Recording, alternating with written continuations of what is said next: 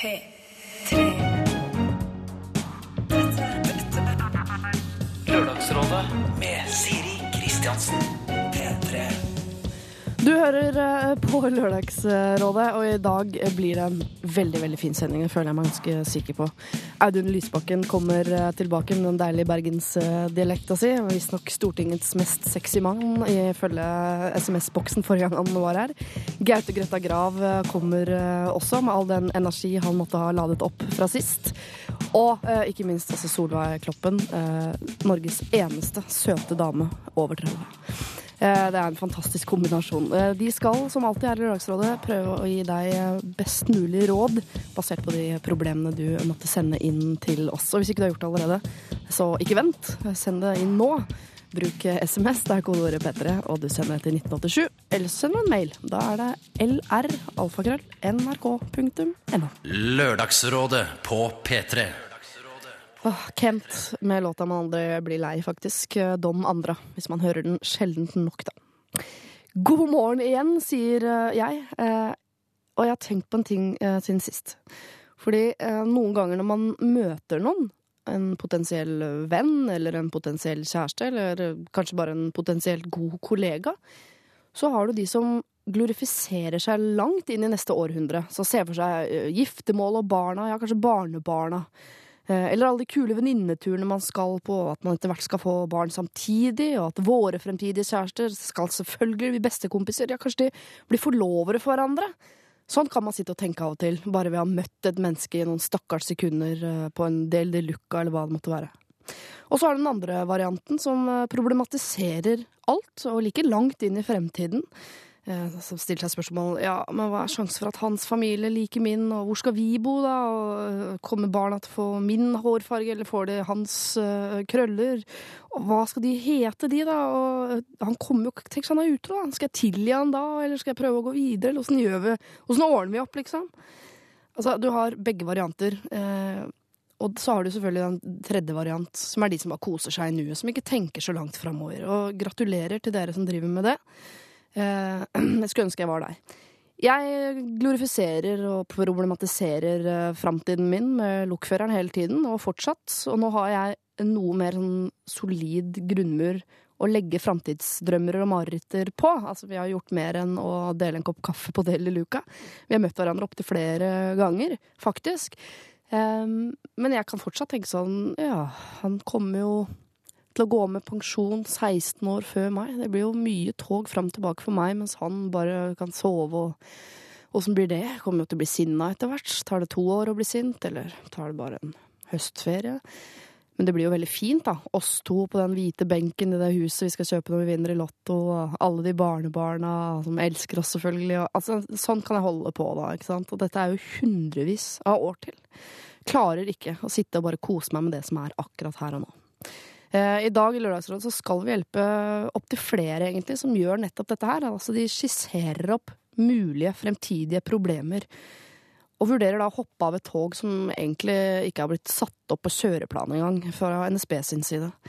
Eh, og det er litt farlig, rett og slett. Så vi skal prøve å vi skal prøve å få flere folk til å hoppe på det toget der, og så får de heller gå av på den perrongen som passer sånn etter hvert, eller bli sittende der resten av livet.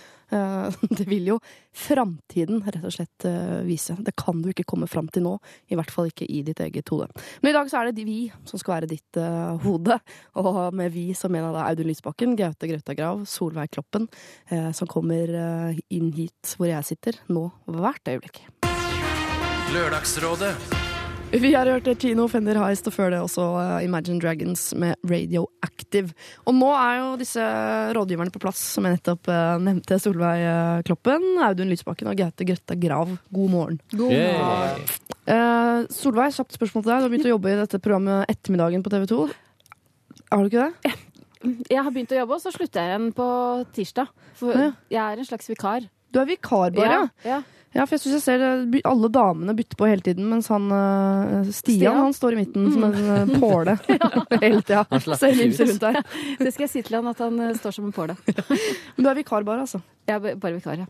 Okay. Er det gøy, eller? Ja, det er Ser så jævla ryddig ut. Jeg eller programmet? Altså, jeg tenkte at det er, må være noe av det mest sånn ryddige, sånn 9-4-aktige du har gjort. Ja, Det er det. Men du liker ikke den type Jo, jo, jo men jeg, jeg kjenner jo at jeg, For jeg gikk jo på Journalisthøgskolen eh, for 100 år siden. og Jeg sov nok i de timene der, sånn at eh, eh, det er veldig lærerikt for meg å Ja. prøve å være en slags journalist. Ja. Skjønner hva du sikter til. Ja. Eh, Audun Lysbakken, dere svikter ikke Lofoten om dagen? Aldri. Nei. Det, det var en veldig kort og fin kommentar til det. Ja, det er gjentatt dag etter dag. Men Er det eh, primært fisken du er opptatt av, eller turistnæringa? Jeg er opptatt av klimaet og fisken og reiselivet. Jeg, jeg, I den rekkefølgen? Eh, Nei, det var litt sånn tilfeldig rekkefølge, egentlig. Men eh, det fine er at de tingene går så fint sammen. Men alle taper på oljen.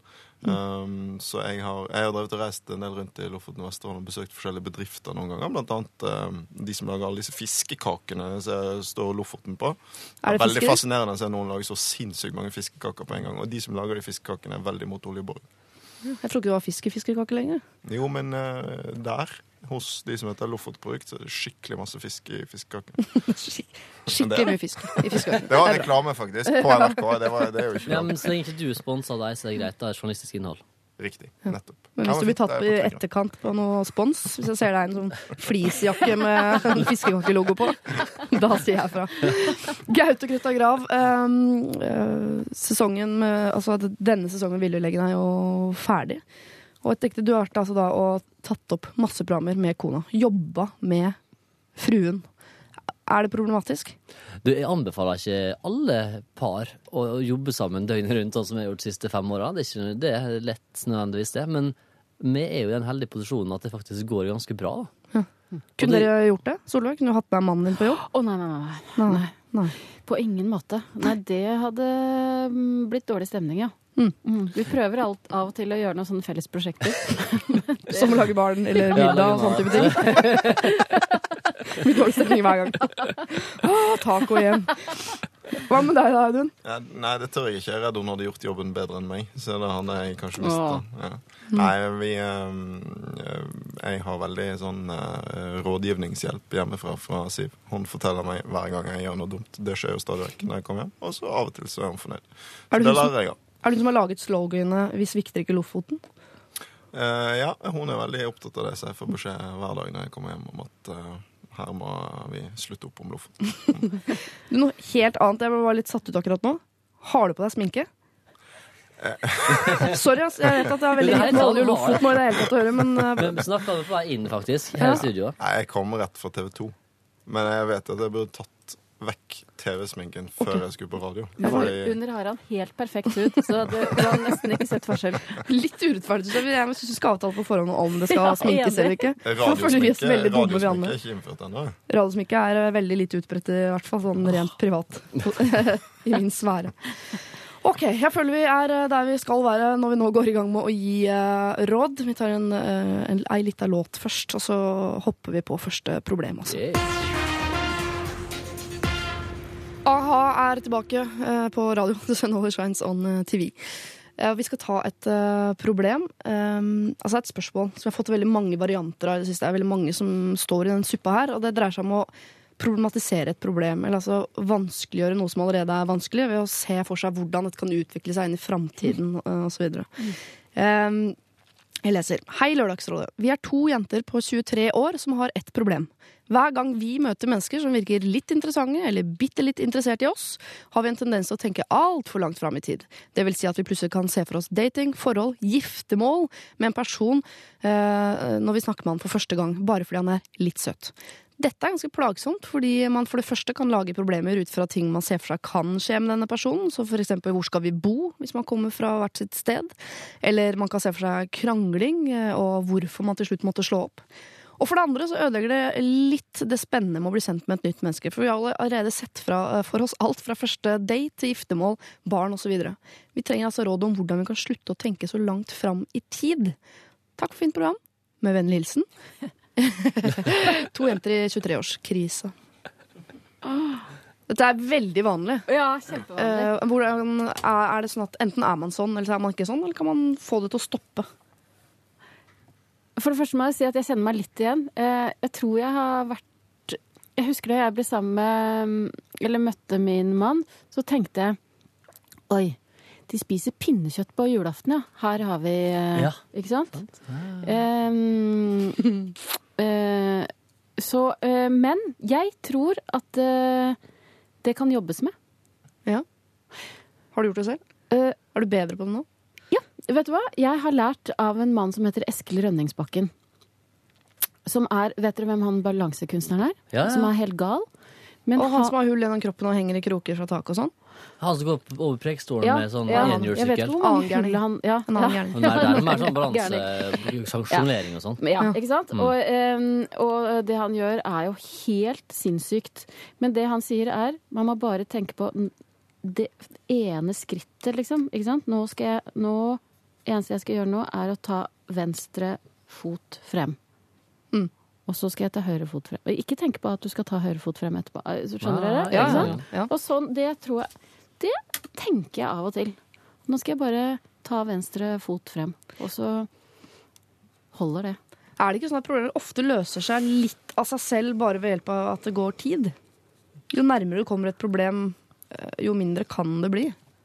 Jo, så kan du jo være rimelig sikker på at liksom, hvis de nå møter den de skal gifte seg med, så blir ikke ekteskapet akkurat sånn som de forestilte seg de første sekundene av den eh, Ikke jo- si det med sånne sammenbitte tenner.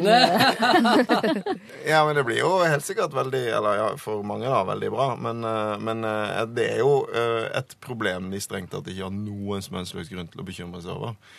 Men hvis de absolutt vil være mer kortsiktige, så er det jo Det er jo det er en enkel løsning på eh, det. Er det det? Uh, Jeg nysgjerrig. ja, men, det er jo å, å drikke. Men det er, ikke så, det er kanskje ikke å anbefale. Da blir man i hvert fall veldig kortsiktig. Men det er ikke en anbefalt løsning. Jeg tror um, Det er et godt poeng, faktisk. Altså, men uh, pro problematisering um, Ja, men det er kanskje litt grunnlag. Altså, hvis du er på jakt etter en av det livet med ditt med, så er vel det fair, ikke det, da? Da er det Det her er jo genetisk, tenker jeg. Det er, det er forsvarsmekanismer for å hindre at vi gjør noe dumt, og ikke sprer genene våre til feil folk. Og og sånn, det, det er noe som slår inn sånn OK, han der er han riktig, og slår det seg veldig fort utover land Selvfølgelig, så jentene her er kanskje for hardt prega av det, men jeg tenker når de da møter the one, eller en av en som kan være the one, så vil alle sånne listekrav plutselig forsvinne bort. Fordi at det ser jeg på mm, I hvert fall til eldre folk blir, til færre krav for deg. Jeg hadde en venninne som hadde eh, Når man ikke kan spre genene sine lenger, ja. ja, for eksempel, når en jente begynner å bli 30 år, da, for eksempel, sant? Og så skal jeg plutselig begynne å kjenne at her skal det produseres barn, så har de en liste sånn, som er veldig lang på hvor mye krav du skal ha på han fyren din, og han skal være sånn og sånn og sånn, og den, den jobben, og ha mye, mye bla, bla. Og til slutt så står det gjennom ett krav, snill. Men du, det som er interessant med den teorien din, er at det er du mener at det er vi kvinner som er sånn? Ikke, ikke menn? Eh, Dere har ikke sånn. lignende lister? Uh, jo, ja, det er jo lange liste. Men eksempel, menn er vel litt flinkere til å være kortsiktige enn det damer er. Jeg tror ikke er så mange menn som på delte luka over en kopp kaffe sier, tenker sånn Sånn blir giftermålet, da blir ungene sånn, det blir 2,3 barn. Altså. Åh, Kan det- hende menn er mer kortsiktige, men om det er å være det samme som å være flink det er noe, altså, ja. men, men, men, men altså, eh, jeg tror, eh, jeg tror Gaute har rett i det, fordi eh, det er jo kanskje, dette er jo kanskje en god test på om de er i nærheten av å finne det riktige. Det er jo at Da blir den listen plutselig ikke så veldig viktig. Altså for eksempel, Solveig var opptatt av dette med pinnekjøtt. ikke sant? Jeg oppdaget tidlig at i min kones familie spiser de ikke pinnekjøtt til jul. Eh, det er jo dramatisk for en som er oppvokst med det. Ja. Men når du da merker at det ikke spiller noen rolle, mm. da er du inne på noe. Og nå er jo jeg lykkelig gift. Og hva spiser dere nå? På julaften? Nei, det er litt forskjellige ting, faktisk. Oh. Ja. Mm. Jeg var sikker på at du skulle si lutefisk. Helt sikker på at du skulle si lutefisk. Jeg tenkte at en mann kommer til å si ordet fisk så mange ganger i dag. Det minner meg jeg er faktisk veldig glad i lutefisk. Lagd av torsk. Ja. Eh, Men jeg bare eh, tilbake til disse to jentene. For jeg også ser for meg eh, at dette ikke nødvendigvis er et problem. At dette er noe man holder på med en stund. Og om man problematiserer eller om man glorifiserer, som jo egentlig er like ille. at man er glorifiserer alle man møter, og hvor utrolig fint det skal bli. Mm. Ja, det er nesten verre, faktisk. Ja, for eksempel sånn Åh, samme kompis, Eller samme fyr Og så bare blir det slutt Og så blir samme kompisen etterpå For han er jo kjekk Og det er jo helt krise Ja, det er krise. Det er mye verre, sant? Ja. Men jeg tenker på disse to her. Tror du ikke de gjør det litt verre ved at de er så innmari to? Skjønner du? Vi er to stykker som har ett problem. Når vi møter en fyr som er søt sånn. Nå må dere eh, klippe opp ved hofta, fordi for det er- klart når man sitter akkurat som eh, Hvis man er to og er litt redd, og man snakker om det, så blir man jo kjemperedd. Og hvis man er to som tenker litt framover, og så begynner man å snakke om det, da, er man, altså, da, da ruller det hjulet så innmari fort. Så Så jeg du tenker sier at De de to må trenger litt... å snakke om så innmari framtid hver gang de ser en fyr som er litt søt. da. Sjølkontroll, tror jeg. tenker på. Ja, bremse. Finn noe annet å prate om. Ja. Eller gjør noen ting hver for dere av og Det kan være kompliserende hvis begge venninnene med en gang begynner å tenke på hvor de skal bo sammen med han de har møtt Ja. Ja. Ja, jeg er enig i det. altså. Men sånn sett er det veldig ryddig. Jeg og Sigrid Bonde Tusvik vi gikk på samme folkehøgskole, Romerike. Ja. Klina dere? Eh, Nei, nei, men, altså, nei, men egentlig ikke. Men før vi kom dit, i hele tatt, på noe som helst nivå, så sa Sigrid Ja, men Gaute, jeg skal jo bo på Nordstrand, ta over huset der. Og så sa jeg ja, men de skal jo bo i Isfjorden, de skal jo ta over huset der. Ja. Ja, men da slapper jeg å tenke mer på det. Ja, For det hadde antagelig blitt en kjempekonflikt på et eller annet eh, Selvfølgelig. Ja. Men nå gjør dere de det med hver deres. Altså, du flytter til Isfjorden med Silje, og Sigrid flytter til Nordstrøm. Nordstrand med sin eh, Isfjorden. Introduserte du det tidlig i, i ditt eh, forhold? Til Silje? Ja. Er du gæren? Kjempeviktig. Sånt det er viktig å bare få unna, altså. Hvis du er så, sånn, såpass fascistisk som jeg er i forhold til Mm. Isfjorden, da, så er det veldig viktig for meg å være tydelig på det. For det er en sånn viktig stolpe i mitt liv, da. Men tror du Eh, ikke det også, på den lista di over ting som er viktig, også Jeg sier ikke at du ikke har truffet den rette, men tror du du kunne truffet en dame som også var riktig for deg, men hvor Isfjorden var en umulighet? Ja, selvfølgelig. Hvis hun Så hadde sånn det. 'Å nei, jeg skal, jeg trives ikke her, livet mitt Tenk som statsminister i, i, ja, i Australia. Burkina Faso. altså, ja. sånn, ja. Så da må vi dra. Sånn er det bare. Så det er det, men, det er viktig, men jeg tror det er viktig å flagge sånne grunnverdier. Ja, ja. Jeg er avholdsmann. Ja vel, men jeg er alkoholiker. Ja vel, da passer vi perfekt sammen. Kanskje det Kanskje det er dårlig og dårlig eksempel, Ja, da. Ja. Ja, en av gangene hvor jeg gjorde slutt eh, med min eks, da, en av de gangene, det var når han bastant sa 'jeg skal aldri ha barn'. Og så tenkte jeg sånn, det skal jo jeg. Ergo et eller annet sted Ja. down the line så blir det ikke oss. Så la oss bare like seg avslutte med en gang. Ja, For vi kan jo ikke være sammen, ikke sant? Absolutt. Sant? Men det, Men det, er, men det er mye man sier underveis, liksom. Jeg har også hatt perioder hvor jeg tenkte at jeg ikke skulle ha eh, barn, fordi de er eh, vanskelige vesener. Eh, men nå er, vi jo sammen hver vår, og begge har hver sine to barn. Og, altså, det er jo, man, jeg bare tenker sånn, Hvis du problematiserer allerede Tenk hvis Silje hadde sagt innledningsvis til deg Greta, at Isfjorden er ikke så aktuelt, altså, mer keen på New York. Altså, hun kunne vært Ikke sant? Da, hadde vi hatt, da måtte jeg gått noen runder med sjøl, sikkert blitt med det som er greia. Men, eh, ja. men når en er yngre, så har en er Jeg tror at unge folk er mer konservative enn voksne, eller er det noe med de greiene der? Altså, i, mm. når jeg var så var jeg 21 år, sånn Nei, det går ikke an å gjøre! Men nå er det sånn Ja ja, hvorfor ikke? Ja, kompromiss sånn, er jo ikke et ord eh, eh, altså, unge mennesker bruker veldig, veldig mye. Kanskje mer pragmatisk etter hvert. Ja. Var du mer konservativ som 21-åring enn du er i dag? Nei, det kan jeg jo ikke si. Uh, Men du hadde et palestinaskjerf? Eh, Å ja. Eh, nei, altså, jeg var jo veldig radikal som 21-åring. Men jeg i hvert fall sånn politisk, da. Jeg er ikke sikkert at uh, Men jeg var jo veldig sånn fast bestemt på at uh, det eneste stedet i verden jeg kunne bo, var Bergen. Man ser på meg nå. Jeg bor i Oslo. Nå var det særlig den jobben som dro deg nedover. Nei, altså, Det var jo jobben som fikk meg over første gang, men det er jo kjærligheten som vil holde meg fast her. Eh, så jeg tror Men jeg tror at Men jeg, i prinsippet Ja. Så bor jeg jo i Bergen. Sånn åndelig sett. Sånn Ja, ikke sant. Det er noe ja. med det. For alltid. Ja. Og noen fotballmessig også bor du i Bergen, ikke sant? Ja. Ja. Eh, det gjør jeg. Og Det- det er jo eh, en av mine store kvaler i livet, er å skulle oppdra barn i et område der de fleste holder med Vålerenga. ikke sant? Det er Hva gjør du da? Og så er det så mye god fisk i Bergen. Men sånn er det med alle. Men sånn er det med alle vestlendinger, er det ikke det? I prinsippet så bor dere alle på Vestlandet Ja, ja. eller Nordvestlandet resten av livet. Det er det. Mm. Ja, han, eh, mannen din han er jo veldig glad i heimplassen sin, vil jeg tro. Ja, ja, ja. Og Nå han, begynner det å bli litt Ja. sånn kaffe hjemme hos uh, Bli kjent-fasen. Eh, la- Du, ja, problem her, jeg stemmer det. det skal dreie seg om disse to jentene på 23 minutter Ja. som vi ble kjent med i stad.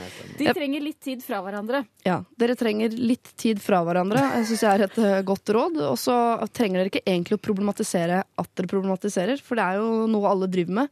Helt til den dagen du treffer en hvor ikke du trenger det i det hele tatt. Da kanskje du er i, i havn, altså, rett og slett. Og det, når jeg sier eh, det, så sier jeg det til begge to, men egentlig til én og én, hvis du skjønner. Lørdagsrådet The Neighborhood hørte vi der med en eh, låt som jeg dessverre ikke kan uttale navnet på. Jeg sliter nok med norsken. Så det får være greit. I Lørdagsrådet i dag Audun Lysbakken, Solveig Kloppen og Gaute Grøtta Grav. Her skal dere få et problem fra Line. Hei, Lørdagsrådet. Jeg og typen spleisa for en tid tilbake bestekompisen hans med min beste venninne. De to har fått en god tone og er mye sammen. I går fortalte typen min meg i all fortrolighet at kompisen hans har en mindre lovlig måte å tjene penger på i tillegg til sin egen jobb. Jeg er usikker på om jeg burde fortelle det til venninnen min, siden det vil gi eh, typen min problemer, og jeg vet at hun kommer til å avbryte forholdet med en eneste gang hun får vite det. Men likevel syns jeg at hun burde få vite det, siden hun har et barn fra før. Kan dere hjelpe meg? Hva burde jeg gjøre? Skjønner dere dilemmaet her? Hvor ulovlig er det? Ja, det står det jo ikke noe om. Oi. Er det narko? Er det, eh, Det lukter ma- litt narko. Ja. Det store spørsmålet er jo Altså, For det første så burde jo kanskje Altså, Her var det mange sånne typer beste... Men altså, ja. Altså Typen din burde jo snakke med bestevennen sin. Det er jo det første. Ja. Fordi eh, hvis eh, han driver og tjener penger på en måte som kan bringe andre i trøbbel, Ja. f.eks. kjæresten hans, så er jo ikke det spesielt ålreit. Så den som allerede vet, burde jo utfordre ham på det. Eh, men ellers så mener vel jeg at er man venninner og eh, vet noe som er veldig avgjørende for den andre, så er det jo Så må en jo nesten si det, må en ikke det? da? Jo, jeg også tenker at man bør uh, si Men det hun syns er vanskelig, her også er at hvis hun sier det til sin venninne, så sier hun jo samtidig da at, at kjæresten hennes har sagt noe som han ikke skulle si. Ja, jeg tenker at dette er vanskelig, men ikke vanskelig. Uh, Jeg er enig med Audun. Den som vet, må si uh, Altså, ja. Mannen hennes, må, kjæresten hennes, må snakke med sin bestevenn og si at dette kan ikke vi Dette, dette Du må snakke med kjæresten din. Du må fortelle kjæresten din det. Ja. Det er den beste måten å gjøre det på. Ja. Og med en eller annen tidsfrist, eller innen da og da, ellers Ja. så gjør vi det. Ja. Og det er som ungen involvert her òg, var det? At hun hadde en unge fra før. Ja. Ja. Det, det er jo på en måte bare enda viktigere å få det gjort, da. Ja. Og så de har fått god tone og er mye sammen, så de er vel liksom ikke De har ikke flytta Ja. sammen ennå. Så det er på, det hvis det skal avsluttes, så er det jo fint om de gjør det nå. Det må bety at det han gjør, er noe som kan bringe hun og barnet i trøbbel. Ja. Ja. Da er det ikke mulig å sitte og vite det uten å prøve å gjøre noe med det. tenker jeg. Nei. Nei. Men jeg er enig med Solveig at den riktige måten å gjøre det på, er at den ja, at Og så ja. Og så, og så tror jeg det er lurt å sette en tidsfrist, ja. Hvis ikke, det, hvis ikke du har snakket med kjæresten din, eller hun du driver og dater, fortalt om hva du holder på med, så gjør vi det. Og dette er viktig nok at blir gjort til at de må da risikere å miste denne kompisen som driver med et eller annet ulovlig på sida. For det er jo en risiko her. At han blir så sur at han forsvinner. jeg blir så nysgjerrig på hva han holder på med, men eh, Men hvis man er bestevenner, så må det være lov å diskutere sånne ting. mm. Altså, Ellers så er man ikke bestevenner. Men bestevennene tør å ta konflikter. Sånn at du må tørre å gå i mine land, da. Det er jo derfor du vil ha en bestevenn som tør å Og en del av vennskapet er at du kan si 'Hei, kompisen min, du er ute å kjøre'. ja. Ellers er det ikke bra nok. Nei. Og selv om han er ute og og kjører, så er han er sikkert klar over det selv. Klarer ikke å stoppe. Men hvis han er, har et eller annet uh, pulserende hjerte for dette nye kvinnemennesket, så må han jo på vegne av henne og barnet hennes se at jeg er enig, folkens. Det er ikke bra. ja. Men det Det er er lett å si sånn Ja, jeg skal, jeg skal skjerpe meg. Jeg skal skjerpe meg. Eh, Jeg lover å skjerpe meg. Jeg skal, jeg skal fortelle det. Og så bare går den tidsfristen ut. Å, faen, jeg stemmer det. Ah, jeg passer dårlig nå. Vi skal bare smugle denne ene diamanten, og så Ja, så er vi i mål, liksom. Ja. Og da jeg tenker vel egentlig sånn bare få sagt det til hun andre dama, og så bli ferdig med det. Å ja. Uten å gå Ja, den ja, riktige send et veien? anonymt brev eller et eller annet, legge brevet i postkassa, eller bare få det gjort, liksom. Tenker du det? Ja. Eh, innimellom så må man få gjort ting. Det kan jo være liksom hyggelig innimellom, men så tenker jeg til slutt så må man bare handling, da. Men først går ned den veien der, uh, Gaute. Kunne man ha uh, rydda opp enda mer? Sendt purken hjem til han fyren? Ja, det, Og latt liksom politiet sånn, bare eh, avslutte det hele? Da begynner du å spille Gud, og det, det er ikke hele greia, det, da. Ikke, vet, du skal ikke, eller ikke? Du likte det, eller? Litt deilig å føle på den gudefølelsen av og til. Jeg vet ikke. Nei, bare, bare et forslag som en uh, nøytral journalist. Nei, men hvis, hvis, hvis folk røyker hasj i ei leilighet ved siden av den leiligheten jeg hadde bodd i, for eksempel, så ville jeg Ja. ringt purken sjøl og fått, fått folk å rydde ut. Jeg har ikke orka Å drite gå ut. Da, da begynner ikke å styret brev og- sånn, da, Mm. bare for å ha gjort liksom, jobben. Men her kan det ordnes og fikses og trikses. Ja, jeg tror det. Har du sendt mye Det av er noe? veldig vanskelig med anonyme brev om at du røyker hasj i naboleiligheten min. Hilsen anonym. Ja, det, det, det, det En av tre mulige naboer. naboer.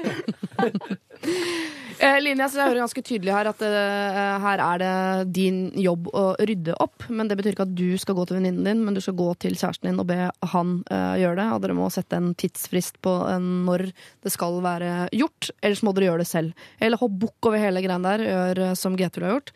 gå rett til kilden. Altså helt til kjernen av greiene. Gå til venninna di og si han fyren, sorry at vi spleisa dere.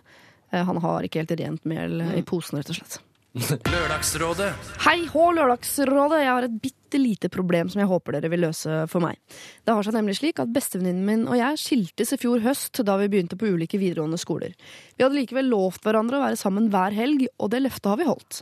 Samtidig hadde vi en uhøytidelig pakt om å aldri få oss smarttelefon, i og med at vi begge var sterke motstandere av dette. Hun fikk seg likevel en Android like etter skolestart, og det fikk jeg bare svelge. Etter hvert fikk hun flere og flere apper, og før jeg visste ordet av det, var hun blitt avhengig. Nå orker jeg ikke lenger å være sammen med henne på eh, fredagskveldene, og det er ganske trist med tanke på at vi er bestevenner.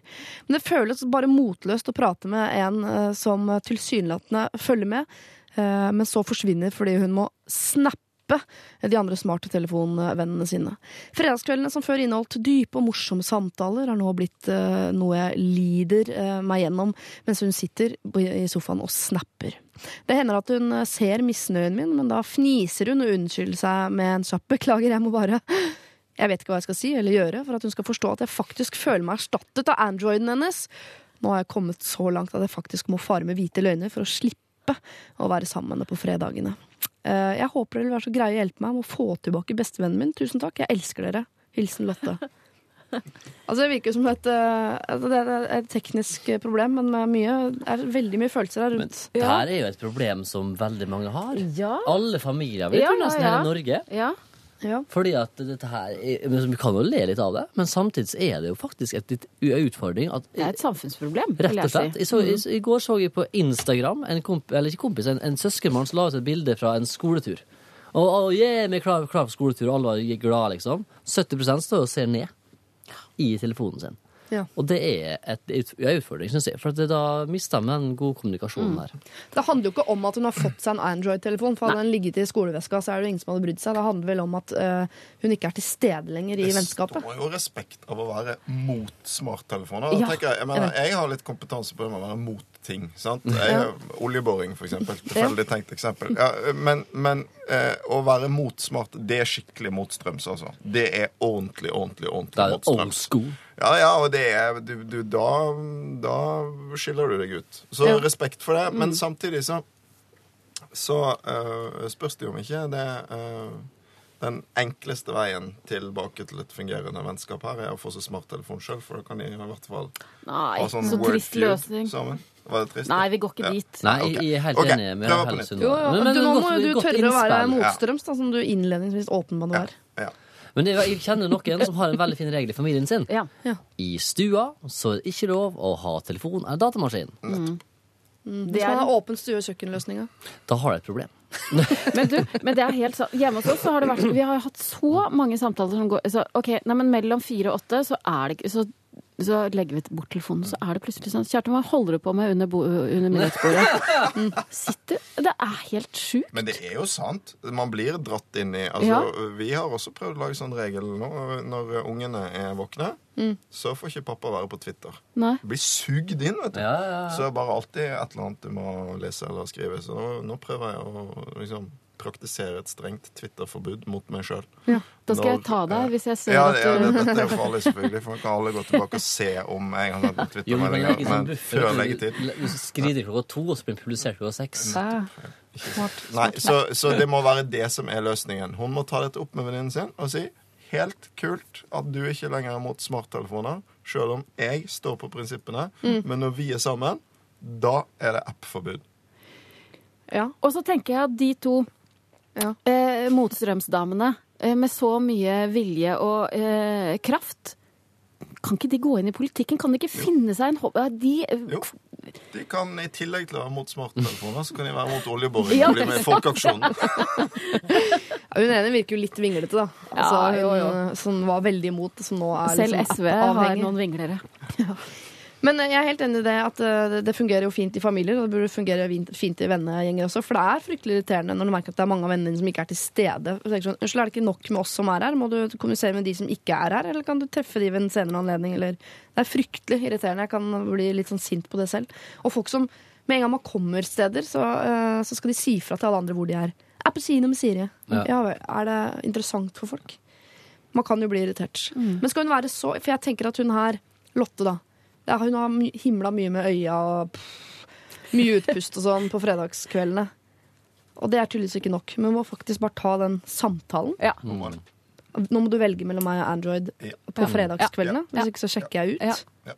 Jeg vil se Bit for bit sammen med deg. Mm. Ja. Ikke sammen ja. Du har gått helt bort fra at hun skal få seg en Android. Så de kan Helt bort. Jeg er helt enig. Det var, det var forferdelig Ja, men samtidig, ja. må, du må si sånn Denne telefonen har kommet mellom oss to. Det er ikke plass eh, til eh, tre i dette forholdet. Nei, Det høres veldig pompøst ut, men jeg jeg er enig i essensen av det. Men samtidig, det er litt sånn som alkohol. da, jeg tenker at det, Ja, eh, folk kan bli avhengig av det òg, men vi skal ikke forbygge det for det, nødvendigvis. Sånn at jeg tenker at kan jo få seg en Android-telefon, hun òg, og trenger ikke melde seg ut av samfunnet for det.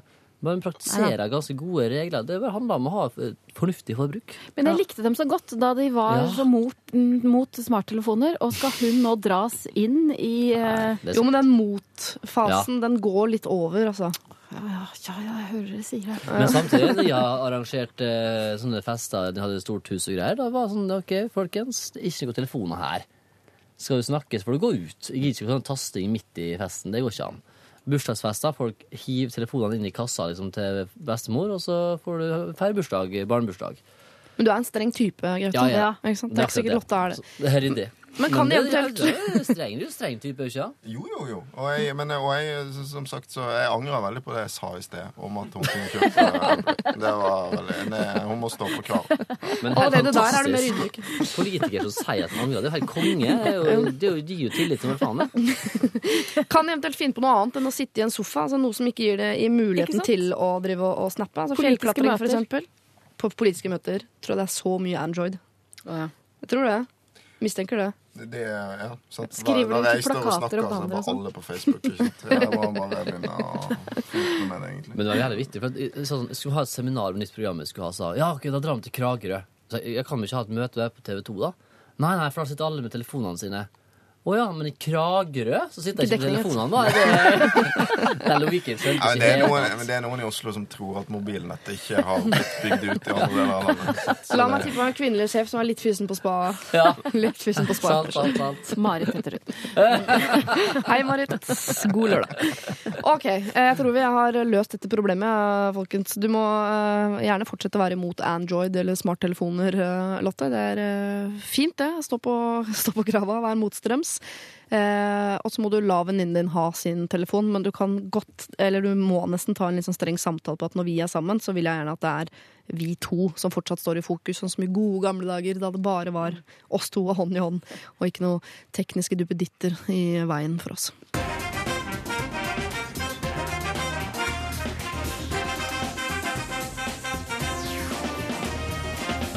Det må du gjerne danse til, selv om jeg helt sånn privat syns det er noe usmakelig å danse til den teksten der. Men Kesha, gratulerer med en låt som fenger over landegrenser.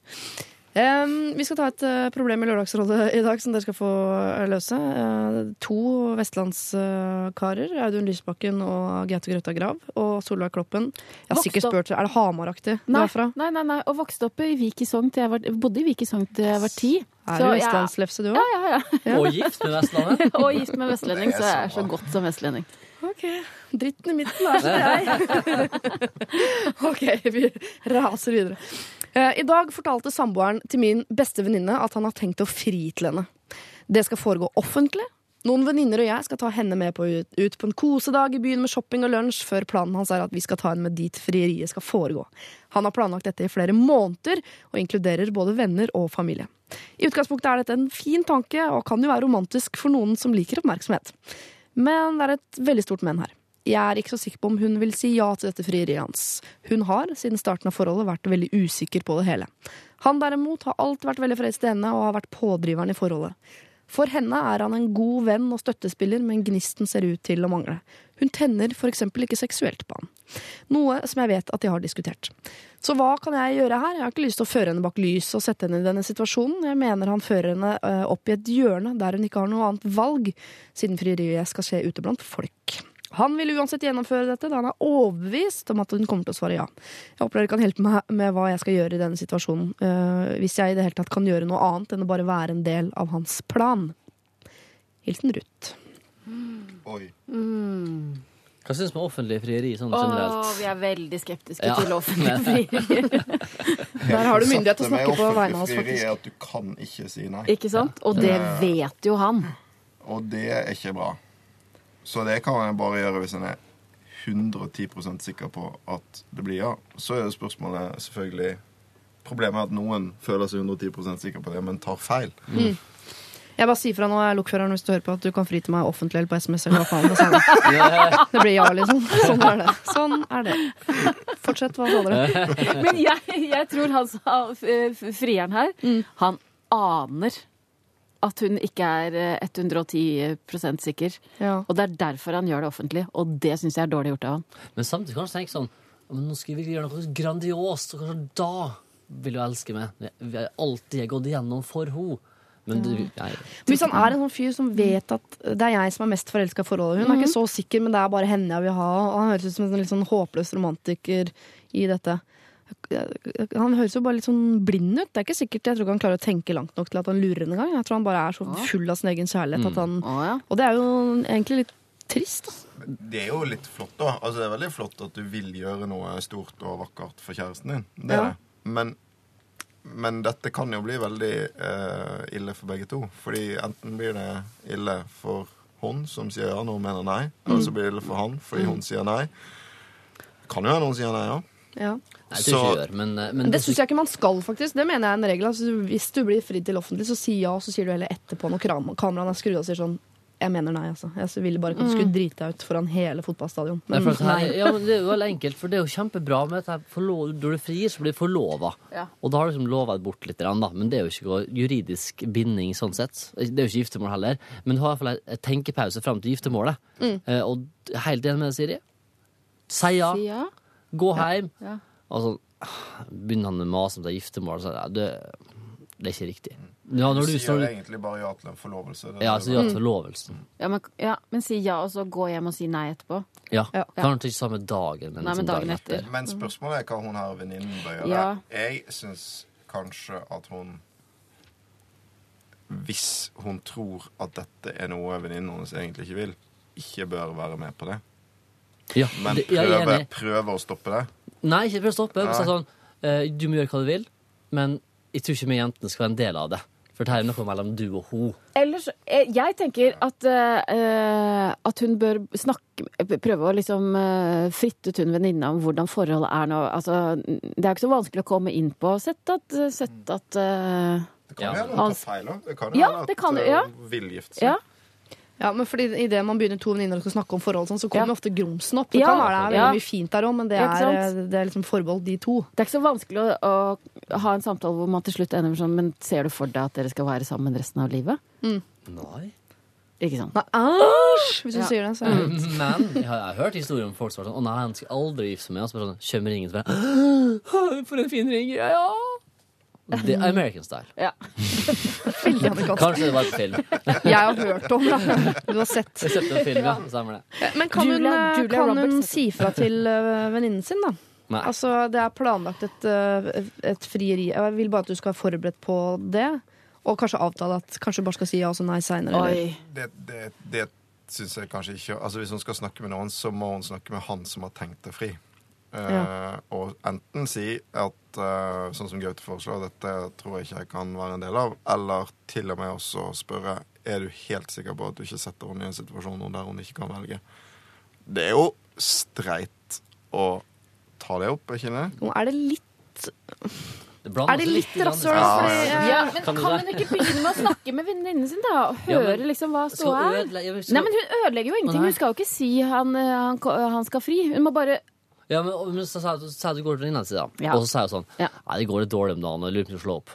Ja. Og så bare «Øh, men jeg skal jo fri neste uke! Nei. Og da er jo i hvert fall i et sånt dilemma. Skal jeg si det, skal jeg ikke si det? Ja. Og så, du burde jo sagt det til Vi sa jo til i forrige uke at det var dårlig stemning. Ja Altså, det er sånn, det mindre du veit, det bedre er det. Ja, men- La deg drive på litt. Men venninner tror veldig ofte at de vet veldig mye om hvordan ting er, basert Mm. på ting sagt over en kaffekopp. Og så har det ikke vært flue på veggen i det forholdet. Nei, Altså. for vet du hvordan vi er? Av og til, i hvert fall jeg, da. Jeg kan ikke snakke på vegne av alle kvinner, men eh, hvis, no, hvis venninner av meg kommer og sier Åh, jeg er så lei av jeg er så lei av at han gjør sånn og sånn, og, vi, og hvis vi er i en periode hvor vi, Og vi er ofte i perioder hvor vi har det veldig bra, så prøver jeg av og til å finne på eh, Kjipe ting? Kjipe ting. Ja. Ja, for, for, ja, for, for, ja. for, ja. Ja, ja nettopp. Ja, for, ja, Men. Ikke sant? Ja. Å ja, Kjartan. Å gud, han vasker aldri opp. Eller ja, han vasker ofte, men han Ikke den rekkefølgen jeg ville gjort det. Ja. Det blir litt sånn kultur, for nå, nå er vi samlet her, nå Ja. snakker vi ned Ja, mennene våre. ja. Er det sånn? Ja. Ja, det er litt kultur for det. Altså. Kanskje det kan jo være at Ruth er singel, at venninnen prøver å si sånn Forholdet er dritt, altså. Det du skal være heldig. Du er så heldig som er singel, du. Og så har hun det så fint, egentlig. Og for Det her er et ordentlig dilemma, altså. Det, det er det. Mm. Stay low.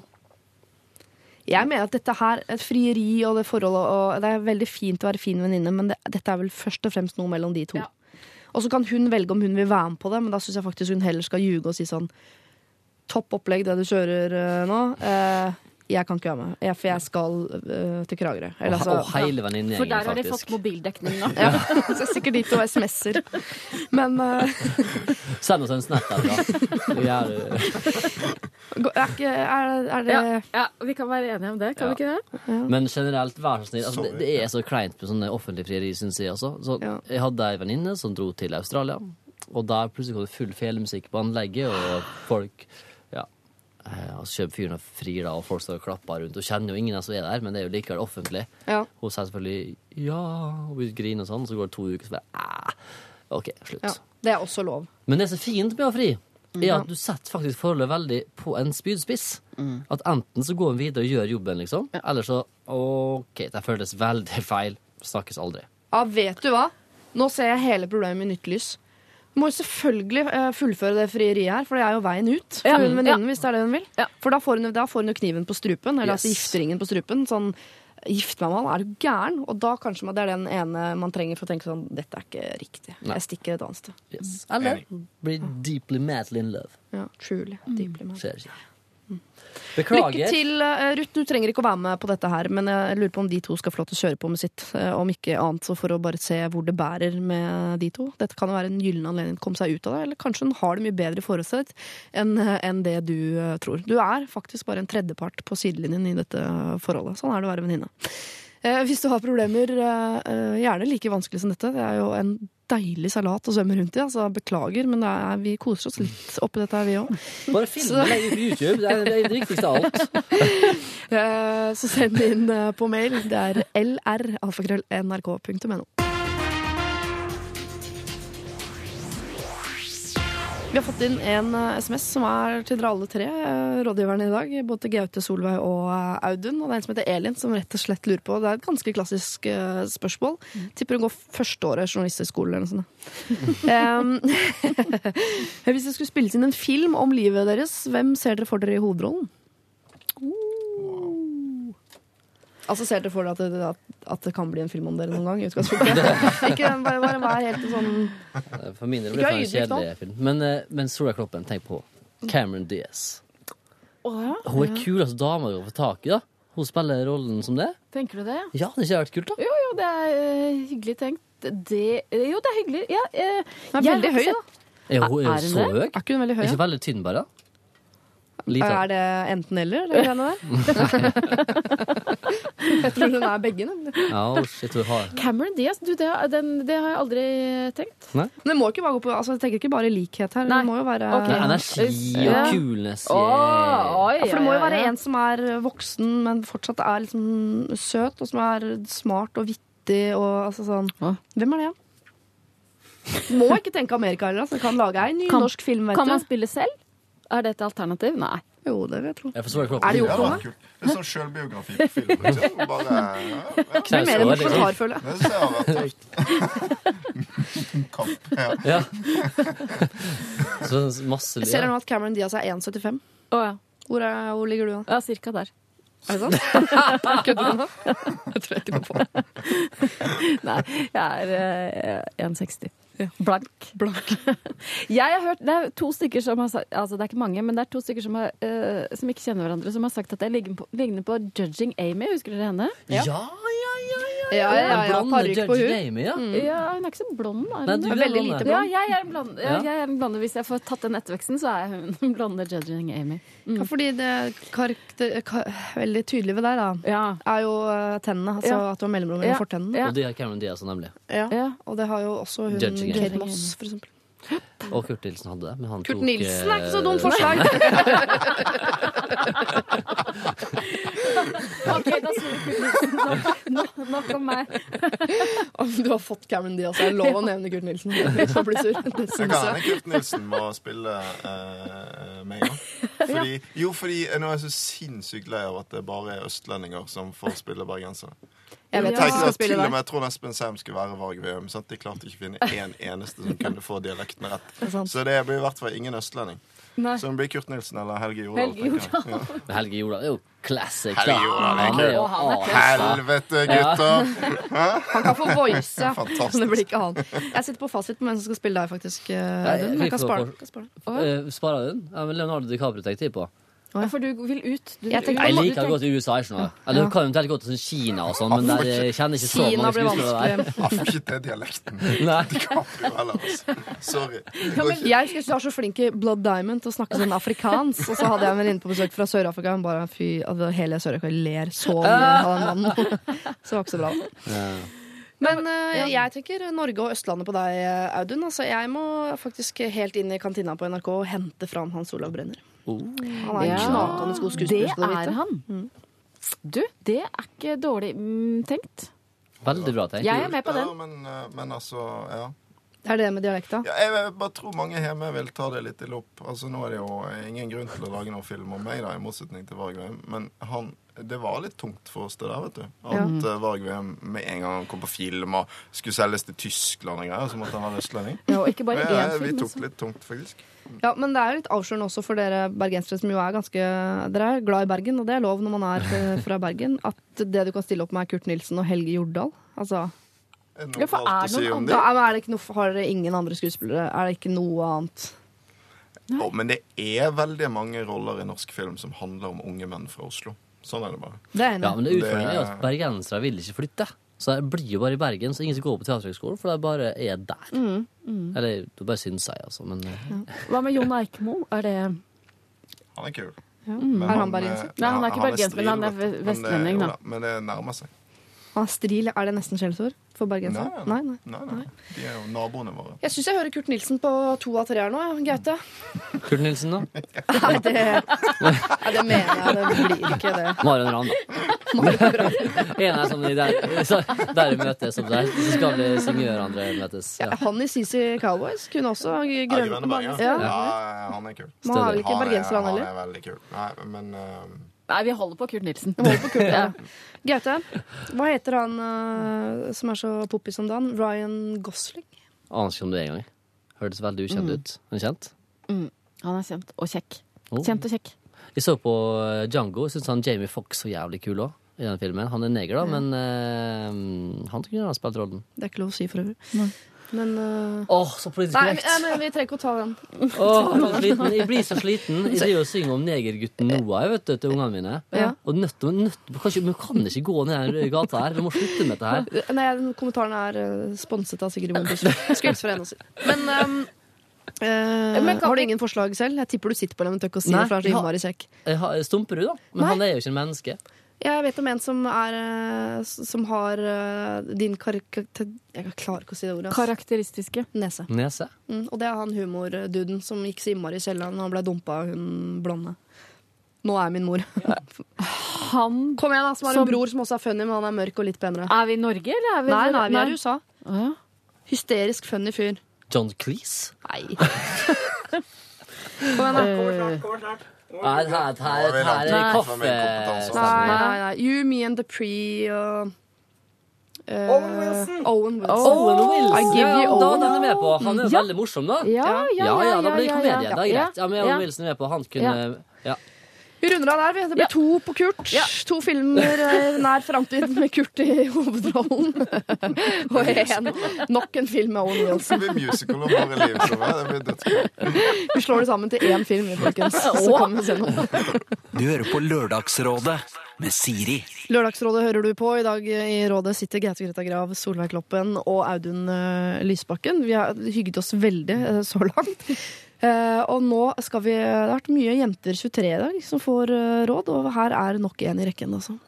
Hei, for noen måneder siden ryddet jeg skapet, og der fant jeg en parfyme. Det er en parfyme jeg fikk av en eks for nesten syv år siden. Parfymen lukter helt herlig.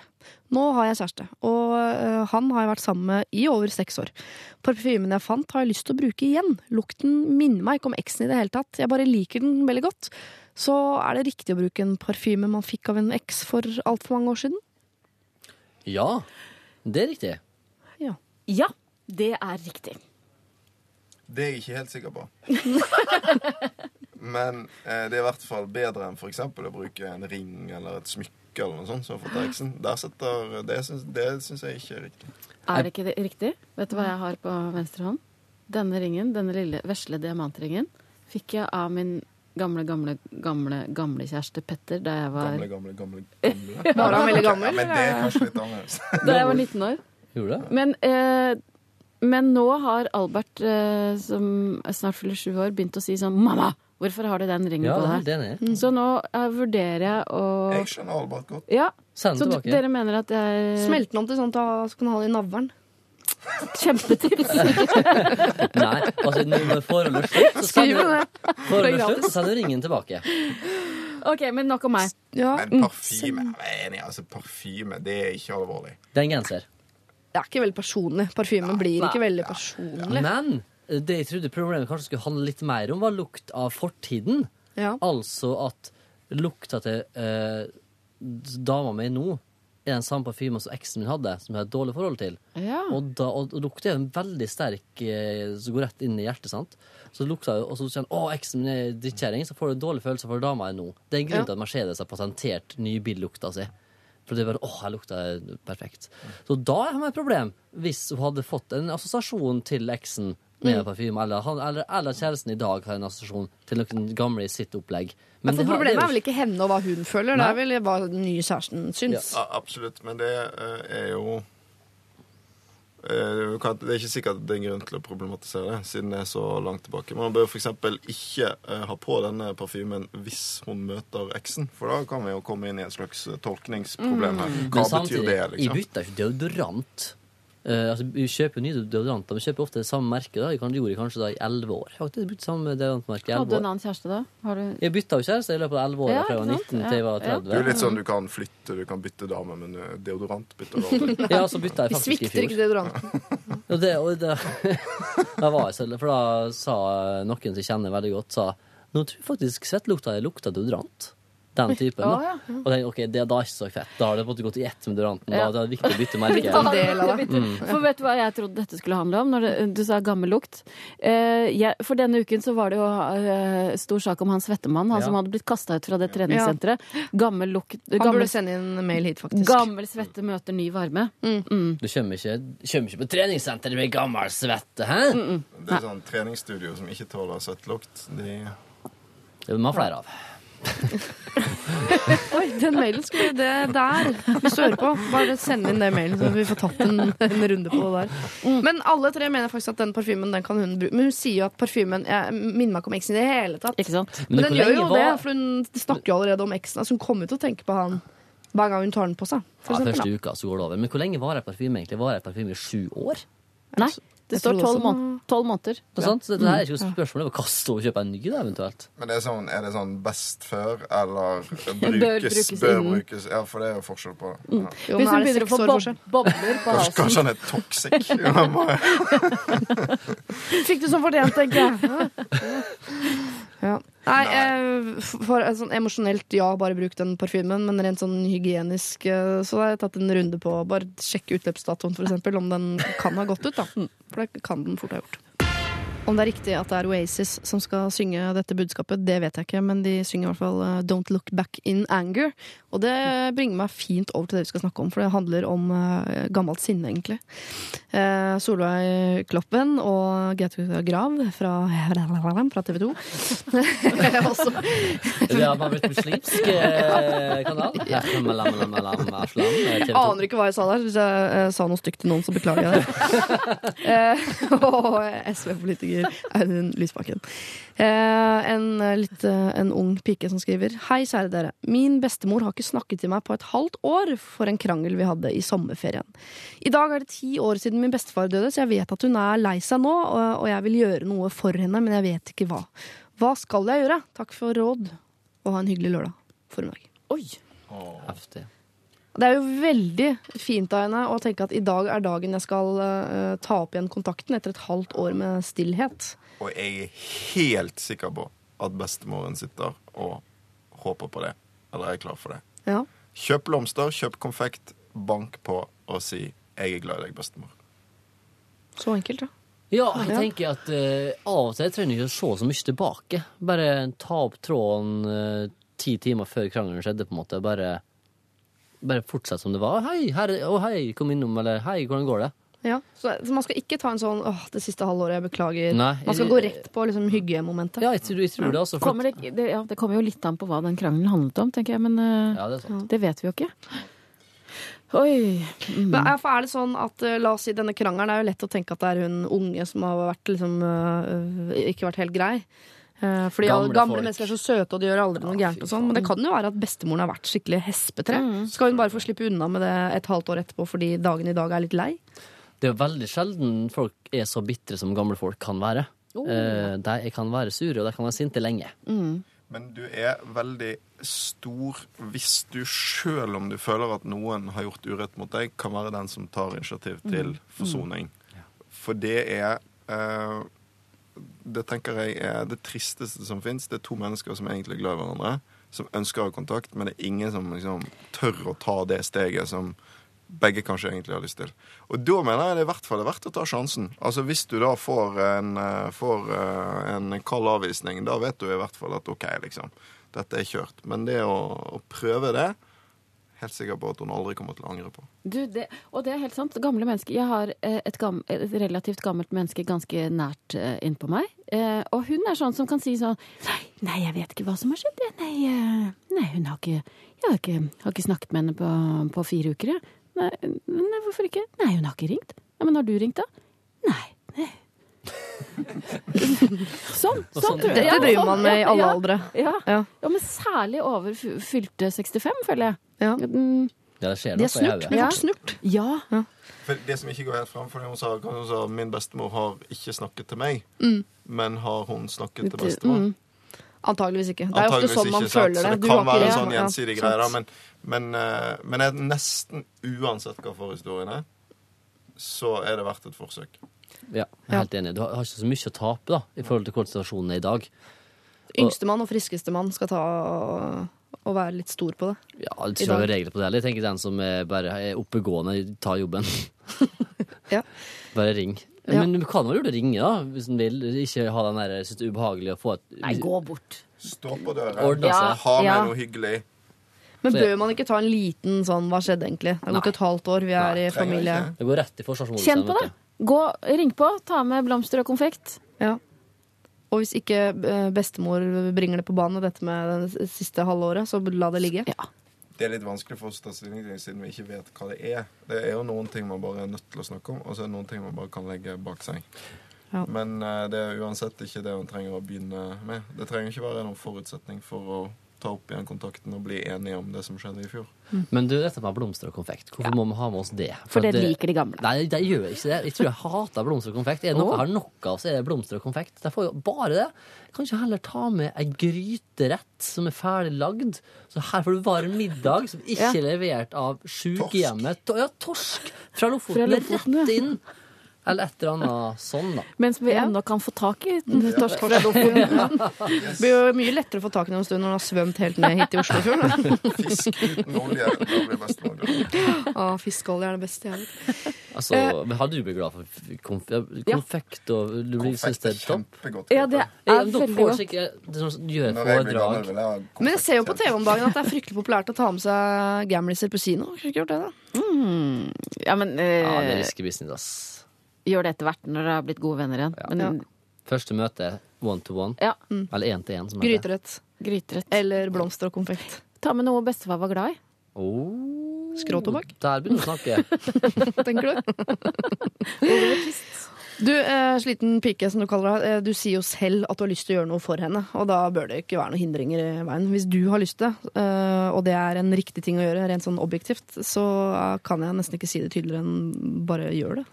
Og det, dette er et sånt, et sånt ilandsproblem. At vi skal alltid snakke ting ned i mikroting, og vi skal alltid analysere ting. Drit i det. Er du lei av det? Ja, nei, nå er vi et i-land, og Um, vi er et, radioprogram hvor vi tar tak i problemer. Ja, det er det, det, det er bra for noe, men tenk sånn i forholdet mellom folk, da. Ja, men hvorfor gikk det så gærent med oss i ekteskap? Ja, men hva, hva mener du? Hva mener jeg?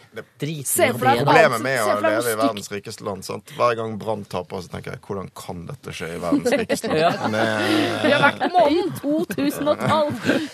Jeg tenkte så ekkelt dette programmet hadde vært hvis det var sånn eh, Grete Grøtta Grav, Solveig Kloppen, Audun Lysbakken er her i dag for å diskutere Darfur. OK, folkens. Kom igjen, da. Det hadde vært usmakelig tre timer. Jeg tror vi skal være glad for at det er en del ilandsproblematikk her i Lørdagsrådet. Og hvis du har et ilandsproblem, så send det inn til oss, da. Eller LR, alfakrøll, Lørdagsrådet. Savadi Back Against the Wall har vi hørt, og også Røykføss opp sammen med Susanne Sundfør. Um, 'Running to the Sea'. Det snakkes livlig i bakgrunnen her om eh, barn. Hva er den perfekte aldersforskjellen mellom to, osv. Hvordan unngå sjalusi. Og en veldig eh, voksen og fin prat mellom Gaute Grøtta Grav, Solveig Kloppen og Audun Lysbakken. Ja, men vi går jo på P2 med, vet du. Når det er musikk på P3, så går vi slår vi kjapt over P2. Ja, mentalt rett over i P2-modus. Eh, Nå skal vi ta et eh, problem som jeg ikke tror ville dukket opp på P2, for å være helt eh, ærlig. eh, ærlig. Eh, det har noe med at Facebook er representert i problemet. Denne historien svir litt. For en tid tilbake så opprettet jeg eh, noen nye lister på Facebook-profilen min for å sile ut noen av de litt mer perifere vennene mine osv. Jeg er ikke så gira på at alle som følger meg, skal ha tilgang til absolutt alt som jeg foretar meg. Den ene listen jeg lagde, kalte jeg for Åndssvake tufser. Og la til to nære venner av familien eh, som har havnet i konflikt med min bror. Lang historie. Terningkast fire på uvennskapsterningen. Eh, at jeg kalte listen for åndssvake tufser, gjorde jeg egentlig mest for min egen ondsinnede forlystelse, og dette skulle være min lille hemmelighet, tenkte jeg. Senere på dagen fikk jeg dessverre vite at Facebook sender ut notifications til mine venner om at jeg er lagt til i disse listene. De har altså fått en beskjed fra Facebook om at jeg har lagt dem til i listen åndssvake tufser. Eh, hva gjør jeg? Hilsen Bergens-Bob. Altså er bergensrealitet også, dette. Men er det sant? Gjør Facebook det? Send deg ut ja, hva lista faktisk det, altså. mm. Det burde stå et stort advarselstegn på. Det er jo veldig mye på Facebook det burde stått et stort advarselstegn på. For Ja. det er jo Det er mange myrer å gå ut i der. Men hva Skal han håpe at de ikke har sett det, eller skal han, Ja, kan si ikke- Kan hun, hun han?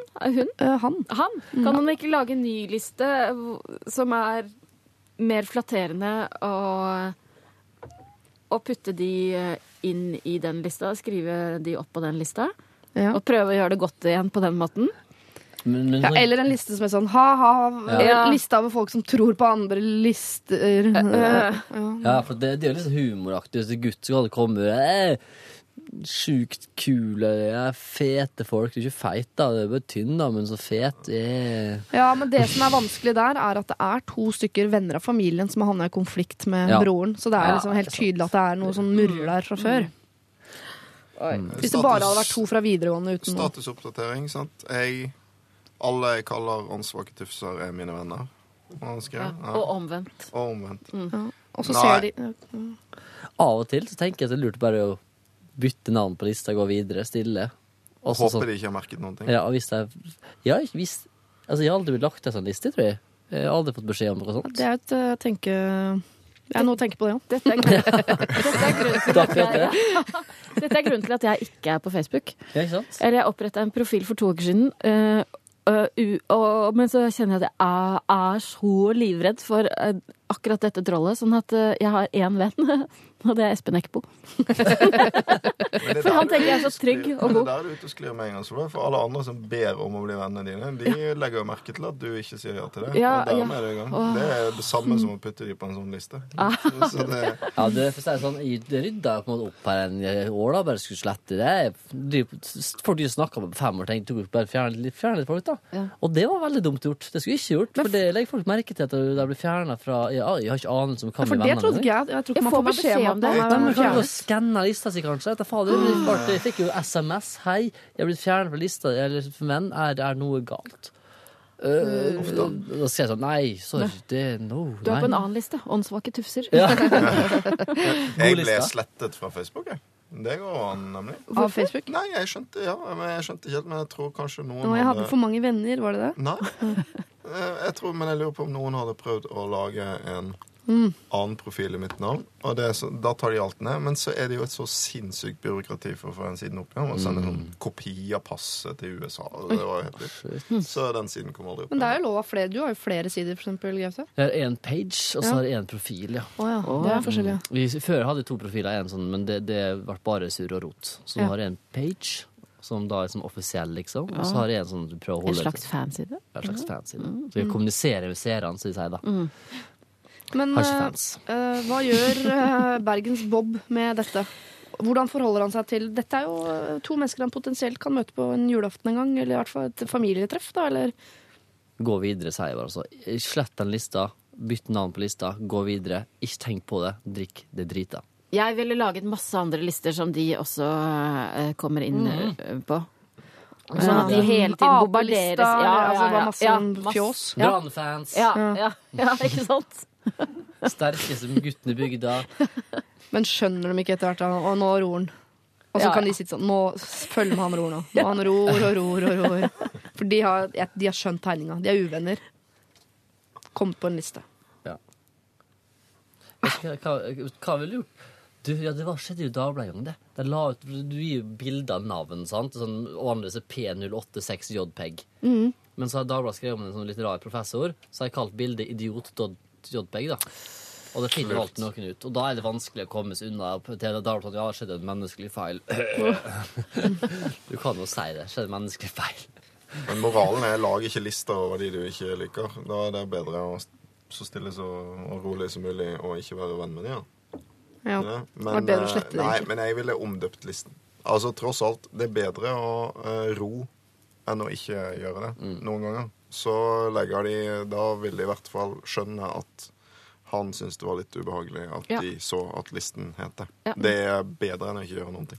Men regelen på Facebook, altså hvis alt er så sjukt vanskelig begynt å bli, da, er egentlig at alt du legger ut og alt du gjør på Ja. Facebook, bør kunne legges ut på Karl Johan på en stor plakat. Det er så ille blitt. Og, og det kommer til å ligge på Karl Johan resten av livet. Ja. Facebook ser deg overalt, og det er bare ingenting som kan skrives der som ikke tåler um, innsyn, tenker jeg. Man bruker jo uttrykket 'meisle i stein'. Egentlig kan man bare bytte ut det med å skrive det på internett. For det, er det noe som varer herfra ut, så er det jo det. En stein kan jo bli ødelagt, liksom. OK. Det var uh, my myke minutter med Av og med Sergis. Tens deg inn i sånn hen saccosekken. Du, uh, Bergens Bob. Enten må du bare tulle det til, lage masse andre lister, eller så må du uh, lage et nytt navn på den listen du allerede har uh, opprettet, eller så må du bare gå videre. Jeg tenker, Dette er folk du ikke liker. Er det så nøye om de syns du er en tufse òg? Da er dere enige, da. Du er tufs, og du er tufs, og alle er tufser. Så kan dere bare gå veldig mange forskjellige råd på en Ja, det er ja, poenget. det er masse eh, råd. Jeg kan godt si hvilket råd jeg syns er best. Det er Ja. selvfølgelig mitt eget. Eh, og jeg husker ikke hvem av dem det var oppe der. Det viktigste er bare at, at jeg syns det er best. Da. Men du skal holde unna Lykke Facebook til. Solveig, du prøver for resten av livet, eller skal du Du og Espen Espen Du hører på Lørdagsrådet med Siri. Mulig det er nerd å si i 2013 på P3, men favorittlåt Keen, 'Everybody's Changing'. Og jeg mener det faktisk. Det er det som er så fryktelig trist. Vi går videre med et litt kult problem, da, dere. Eh, Audun Lysbakken, Solveig Kloppen og Gaute Grøtta Grav. Eh, Det kommer fra Knut Fredrik, dette her. Han skriver eh, Jeg bor sammen med en kompis som krever å ha en hagestol i dusjen fordi han liker å sitte og dusje. Jeg syns det er stygt, uhygienisk og ja, ekkelt. Hvem bør vinne denne debatten? Det bør kompisen din. Herregud, for en gøyal kompis som vil ha en hagestol i dusjen. Er det uhygienisk, egentlig? Det er bare uhygienisk hvis en føler at du òg må sitte på den stolen når du dusjer. Det må jeg jo ikke. Er bare skyver skyve den unna og stå i dusjen. Ja, jeg tenker En stol med stoff og mye trekk og sånn, så begynner vi å snakke uhygienisk. Men det er jo en det er plastikkstol. plaststol? Ja. Er det ikke det? Jo, hvis det er hagestol. Hvis den skal tåle å stå ute, så må den jo tåle regn, ergo dusj. Men jeg skjønner at det kan være ekkelt, for da, du vet jo at kompisen har sittet altså, naken og våt. og gnukkes på det her i timevis. Nei, jeg heier på kompisen. La han få ha den stolen i dusjen. Hagestoler er sånn man pleier å sitte ganske lettkledd og svette i uansett. Altså, ikke, jeg tenker ikke det er uhygienisk å ha det i hagen. Det er ikke uhygienisk å ha det i dusjen heller. Kanskje bare ta og kjøpe en flaske Ajax, og så be en spraye og gnikke av etter den er ferdig, så er du helt sikker på at det er desinfisert. En fyr som sitter og dusjer, slår det deg som en fyr som gidder å vaske med Ajax hver gang han dusjer? Ja, men, det er jo, men det er jo ingen andre som trenger å sitte på den stolen i dusjen. Altså, jeg skjønner problemet hvis, hvis liksom Men det, Men det blir den ikke er veldig vel ikke trangt i den dusjen hvis den Nei, Den det er kan vel hvis ikke det er boltet dusjkabinett. fast under. Hvis det er dusjkabinett, da. Ja, for da må han andre sitte der òg. Derfor kompisen bærer hagestolen inn og ut av dusjen. da Ja. Ja. Nei, ha- han som sitter inn, han tar ansvar for å bære inn. Ja, ja, ja, Ja, han, må bære den inn på, Ja. han kan bære den inn på rommet sitt. Han kan slå den sammen og ta den med inn på rommet. Det er rimelig. Ja, for det er en uh, hagestol av den sammenslåbare typen. Ja, det er sikkert en støpt en. Du så for deg sånn solstol, du. Sånn ordentlig sånn lang. Ja, den er så sinnssykt tung, da. Nå? Er vi den irriterende enige her nå? Nei. Eh, jo, Jo, jo. Ja, men husk er det ingen som en Jeg syns det er litt ekkelt. dusjen, Det, det er noe annet. Det, det, var, det, var, det, var, det var drøyere, liksom. Det, Ja. det driver vi ikke på med. Men, men altså, den hagestolen altså, Gamle folk sitter jo i dusjen hele tida. Det, det er jo et eget begrep i Helse-Norge. Stolsitting. Nei, dusjsitting. Dusjsitting, ja. Ja. Jo, men uh, jeg da, som kom fra eh, eh, sånn prinsipielt sånn interiørmessig ståsted Jeg ville hatt store problemer med å ha en hagedusj. En hagestol i dusjen. Rent bare visuelt, da. Sånn ville du det? estetisk, liksom. Men kunne kanskje eventuelt lagt inn en sånn glassbyggesteinhylle som sitter på den i stedet for? Inni hjørnet på dusjen der. Ja, Hvis man er glad i 80-tallsinteriør, så er det klart at man kunne ha bygd noe glassbyggerstein. Men uh... men løser jo ikke problemet med å ha en regel om at uh, alle som bor i denne leiligheten, kan ha med det de vil i dusjen, men de får Ufarlig. ta det med sjøl og bære Og det ut bære igjen når de er ferdig. Og ikke la det ligge i felles areal. Nettopp. Eller så kan jo Knut Fredrik lære av altså For jeg har en kompis som eh, ligger i dusjen hver morgen. Så Knut Gjør Fredrik det? kan jo Ja, I, i fosterstilling, liksom. ja. For å våkne. For å våkne. Det høres ikke så definitivt ut. dette er et mye større problem. Våkner man lett Espen Torkelsen heter han. Hei til deg, god morgen. Ja. Det gjør han. Det gjør han. Han ligger i dusjen. Har han hodet mot sluket, da? Eller bena mot Det har jeg aldri fått sett på. Nei, legger, det blir jo hardt. Ja, Ligging i dusjen. det er et problem, ja. Ja. Det, men så Knut Fredrik kan jo eventuelt lære opp han kompisen sin til å ligge i stedet for å sitte. Ja. Foreslå ligging Ja. sitting. Og så har du jo på Ikea sånne veldig praktiske sånne barnekrakker av plast med sånn antisklistoff Ja. på. Og den er veldig lett å bare putte inn. Da, da kan han fortsatt sitte. Men da kan han ikke Ja. Jeg ser for meg altså- at han sitter og halsover og lener seg tilbake i den hagestolen. Nytter ikke med krakk eller puff da. Nei. Jeg syns jeg er konkret beste rådet så langt. Å ta en, søpenstol kjøpe en stol som er ment for å være altså, en, en litt nettere og litende. Det er de hagestolene som er sånn det er, Jeg ser for meg en sånn hagestol som de har som stoler på utekafeer i Syden og sånn. Altså de Ja, sånne de hvite, med armlen Ja. Og har de sikkert kjempe Ja, hva er Det- problemet? Jo. Ok, Gå inn i dusjen, ta bilde av kompisen din når du sitter der, står der og dusjer om morgenen. Og så legger jeg på Facebook. Problem solved. Og du får så mye kommentarer at du tør ikke sitte i den stolen resten av sitt liv. Send det til oss, da. Send det til oss, så skal vi legge det på vår. Jeg lover vi legger det ut eh, om så ikke er lov. Jeg kan eh, PFU Kom, slå meg. Det er bare det der. Det der legger jeg ut hvis du sender bilde av. Eh, Send inn flere problemer, dette er gøy. lralfakrøll.nrk.no. Lørdagsrådet. Coldplay, Hurts Like Heaven, og før det altså um, High for Life, Blood Command. Kan jeg få si noe før du sier noe mer? Jeg angrer på det jeg sa om han kompisen min som sover i dusjen hver morgen. Hvilken kompis? Espen Torkel. Sa du det igjen? Ja, det var ikke sant. Nei, det er ikke sant. Det var det du angret på, at du, lagde en løgn om han. Ikke det.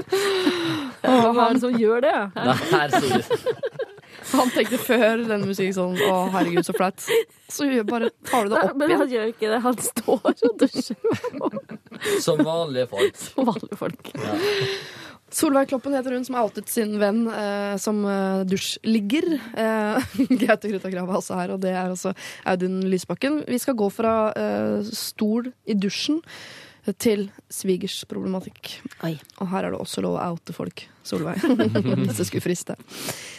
Jeg har nå vært sammen med samboeren min i snart fire år. Han er selvfølgelig kjønn Kjønn! Nydelig, megasnill osv. Han har også noen irriterende sider. Hvem har ikke det? Han er nemlig meget gammeldags og elsker å diskutere ting resten av samfunnet, og jeg syns det er dønn kjedelig. Jeg har til nå løst dette ved å si fra hver gang. Hold opp, jeg orker ikke høre på dette her, det er ikke interessant. Problemet er familien hans, altså min svigerfamilie.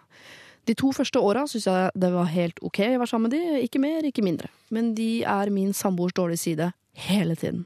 Særlig far og søster. De snakker konstant, diskuterer verdensproblemer, gamle dager på sjøen, dyrelivet på Otta, ugjennomtenkte politiske holdninger, you name it. Og det er så tydelig at de gir en god faen i at jeg sitter der. Jeg sitter som regel øh, ved bordet og spiller Angry Birds på telefonen og syns det er kjipt når de blir høyrøsta.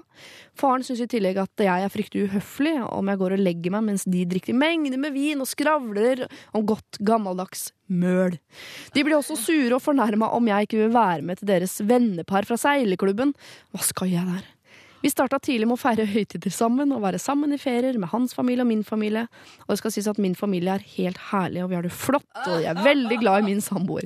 Vi er studenter, så vi er hjemme i uker av gangen i ferier og lignende. Kjæresten min er han familiesære typen, blir lett fornærmet om jeg prøver å nevne at jeg etter hvert har fått hele gjengen noe godt opp i halsen. Nå har det gått så langt at jeg ikke vil feire høytider der. Jeg har ikke lyst til å ha en kjip julaften når jeg har muligheten til å ha det supert med min egen familie. Jeg skjønner at jeg burde ta dette med kjæresten, selv om han ikke kommer til å forstå meg, men jeg grøsser av å tenke på at dette skal bli besteforeldrene og tanta til mine fremtidige barn. Jeg vil ikke være der lenger enn noen timer i måneden. Og skal jeg ta det med dem? Jeg er ganske konfliktsky. Jeg trenger hjelp. Frustrert.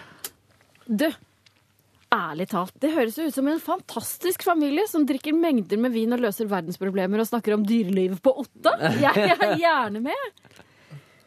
Jeg hadde håpet noen skulle ta den andre siden, men Jo, jo, men altså, her, Ja. folk er jo forskjellige, og Ja. jeg må ærlig innrømme at eh, folk må få lov å hate det. også. Ja. Men, men, men jeg, jeg er jo skravletypen. Kanskje, kanskje kommer som, som en overraskelse på mange, men eh, jeg kan godt tenke meg å snakke om alt mulig rart. Ja, Så- også dyrelivet på Otta. Ja, det er dyreliv har jeg jo jobba mye med, så det syns jeg er interessant å høre om. Men og, altså, jeg er med på laget til hun som sender problemet her, okay. men det høres litt kjedelig ut. Nå skjønner jeg at denne diskusjonen trenger at noen mener det helt motsatte, men jeg klarer ikke det, altså. Fordi det, altså sånn at jeg, bare, men jeg elsker jo å diskutere verdensproblemer og ugjennomtenkte politiske holdninger. eh, og veldig gjerne med mine svigerforeldre, og veldig gjerne med vin. Så dette Ja, altså jeg, Og jeg tror vel kanskje at eh, hvis Nå er mine barn veldig små, da, men hvis noen kom hjem med en ny svigersønn eller svigerdatter som valgte å spille Angry Birds når vi hadde familiemiddag, så Ja. hadde jeg kanskje tatt det litt ille opp. Det òg. Jeg er enig, og det er jo selvfølgelig også min oppgave som programleder her å, eh, å- å støtte innsender. Men hvis jeg skal se det sånn i flueperspektiv En familiemiddag, folk drikker vin og, og snakker og koser seg, så sitter det én på den ene enden og spiller Angry Birds. Så er jeg ganske sånn også helt tydelig på hvem jeg anser som problemet i situasjonen. Ja. Så jeg beklager det. Men, Men, hva, kan, men er trives det så innmari godt i sin egen familie, da. Det er jo fantastisk. Det ja, er men Hva gjør de? Spiller Spiller de Angry Birds sammen? Eller? Kan jeg snakke om andre ting? Klesvask, interiør. de Dyrelivet i Sogndal. Ja, det er helt annerledes. Hvordan er dyrelivet på På Otta. Det, er kjempe, det var veldig dårlig en stund, men nå er det oppe og går igjen. Ikke der det ofte stjeles Er sau. det bjørn og sånn? Ja. Jeg har hørt at på Otta så er det noen, hvert år så er det noen som stjeler sau fra den samme bonden, og så legger de et postkort i postkassa og det står sånn 'Takk for nydelig fårikålkjøtt i år også'. Oi, koselig. Så sånn Men, det eh, Otta. oi, oi. Det er veldig flott på Otta. Eh, ok, Det er dette som skjer når du eh, inviterer to og en halv vestlending i studio. At vi er så enige. Ja. Mm, Ja, men poenget er at du kan altså, jenta her, Hvis det er et kjempeproblem, så er det enkelt og greit. Slå opp og bru- starte livet alene. Da har du til, tilbake igjen den fantastiske familien din. Du er kvitt kjæresten som irriterer deg. Du er kvitt svigerfamilien som irriterer deg enda mer. Kanskje livet mer verdt å leve, da. Kanskje det er det, fordi at Hva var det hun sa sånn Han er selvfølgelig kjønn, eh, megasnill, eh, er ny og så videre. Og det hørtes ut sånn selvfølgelig. Kanskje, kanskje det er et grunnleggende problem her. Jeg som tror det er et eller annet, ja. Ja, for man kan vel, eh, ikke alltid altså, men man kan vel når man sitter ved, eh, rundt bordet med svigerfamilien, tenke at uh, dette er også mitt fremtidige liv. Vil jeg, Mm. være, vil jeg sitte på dette toget? mm. Så kanskje Jeg vet ikke om hun skal ta en runde med om hun i det hele tatt vil Hun vil jo ikke være der. Men det må, jeg tenker, hvis du skal Ja. sammen med han, så må du også være sammen med familien hans. Og du kan jo si 'Å, herregud, hold kjeft'! Du kan ikke si det hver gang han åpner munnen, da. Det er jo hyggelig å ha en kjæreste som liker eller i hvert fall off, av og til, da, liker det, det du sier. Hun kan gjøre sånn som jeg gjør med min svigerfamilie. Jeg har verdens kjønneste eh, svigerfamilie. Eh, men de er jo vestlendinger, og de mumler, har en tendens til å mumle. Så av og til så Og alle mumler, sånn, og de skjønner hverandre Ja. så veldig godt. Men av og til kjenner jeg bare at nei, da skrur jeg av det imaginære høreapparatet mitt, og så bare lar jeg det summe, og så syns jeg det er litt deilig. Så sitter jeg bare og liksom tenker på mine egne ting og lar humla suse. Men du tar ikke opp Angry Birds? Aldri. Jeg lurer på om det kan være en vei å gå. Så at hun må legge Fordi hun sitter jo Det er det som er trist der. Jeg får litt eh, Jeg syns litt synd også på deg, for du sitter der og har lyst på oppmerksomhet. Du sier jo det er jo ingen som gir en god faen i meg, skriver hun. Så hun vil jo egentlig også bli sett i den svigerfamilien. Og jeg kan eh, Altså, eh, Se for meg at du kommer inn i en setting der hvor alle bare snakker masse, og det er god stemning, og så føler man seg sånn alien liksom, på jorda. Det er Så det er ingen som bryr seg om deg, og det er ingen som Og da tenker jeg, men da må du på en eller annen måte øh, bryte den isen. Jeg mener ikke at du skal begynne å snakke om verdensproblemer, men Kan, kan man gjøre en sånn kanonentré neste gang og bare ha lest det sinnssykt opp på dyrelivet? Porta? ja. Bare kunne alt Ja. og eie den diskusjonen. Det kan hende at det blir en sånn game changer. Ja, for det er, det er viktig det med kunnskap, altså. Ja. For jeg har jo vært i noen sånne veterinær- og legeselskap, og jeg har ikke den utdannelsen så mye å skryte av, da. Men da er det viktig å kunne ikke alt, men litt, litt sånn ja, ja, jøss, den medisinen der er jo dritbra, for da sovner dyret veldig raskt og lærer. Du har jo vært på gård. Ja, på gård, men det er ikke det samme som å være veterinær. det har du fått smertelig erfare, ser jeg på ansiktsuttrykket ditt. Ja. Ja. Ja, Men nei, hva- det- ja. Hva, hva kan hun gjøre for å trives bedre i disse selskapene? Fordi hvis hun, Dette er mannen i hennes liv, hun har tenkt å være der, og det er jo nitrist hvis ikke de kan feire jul der noen gang.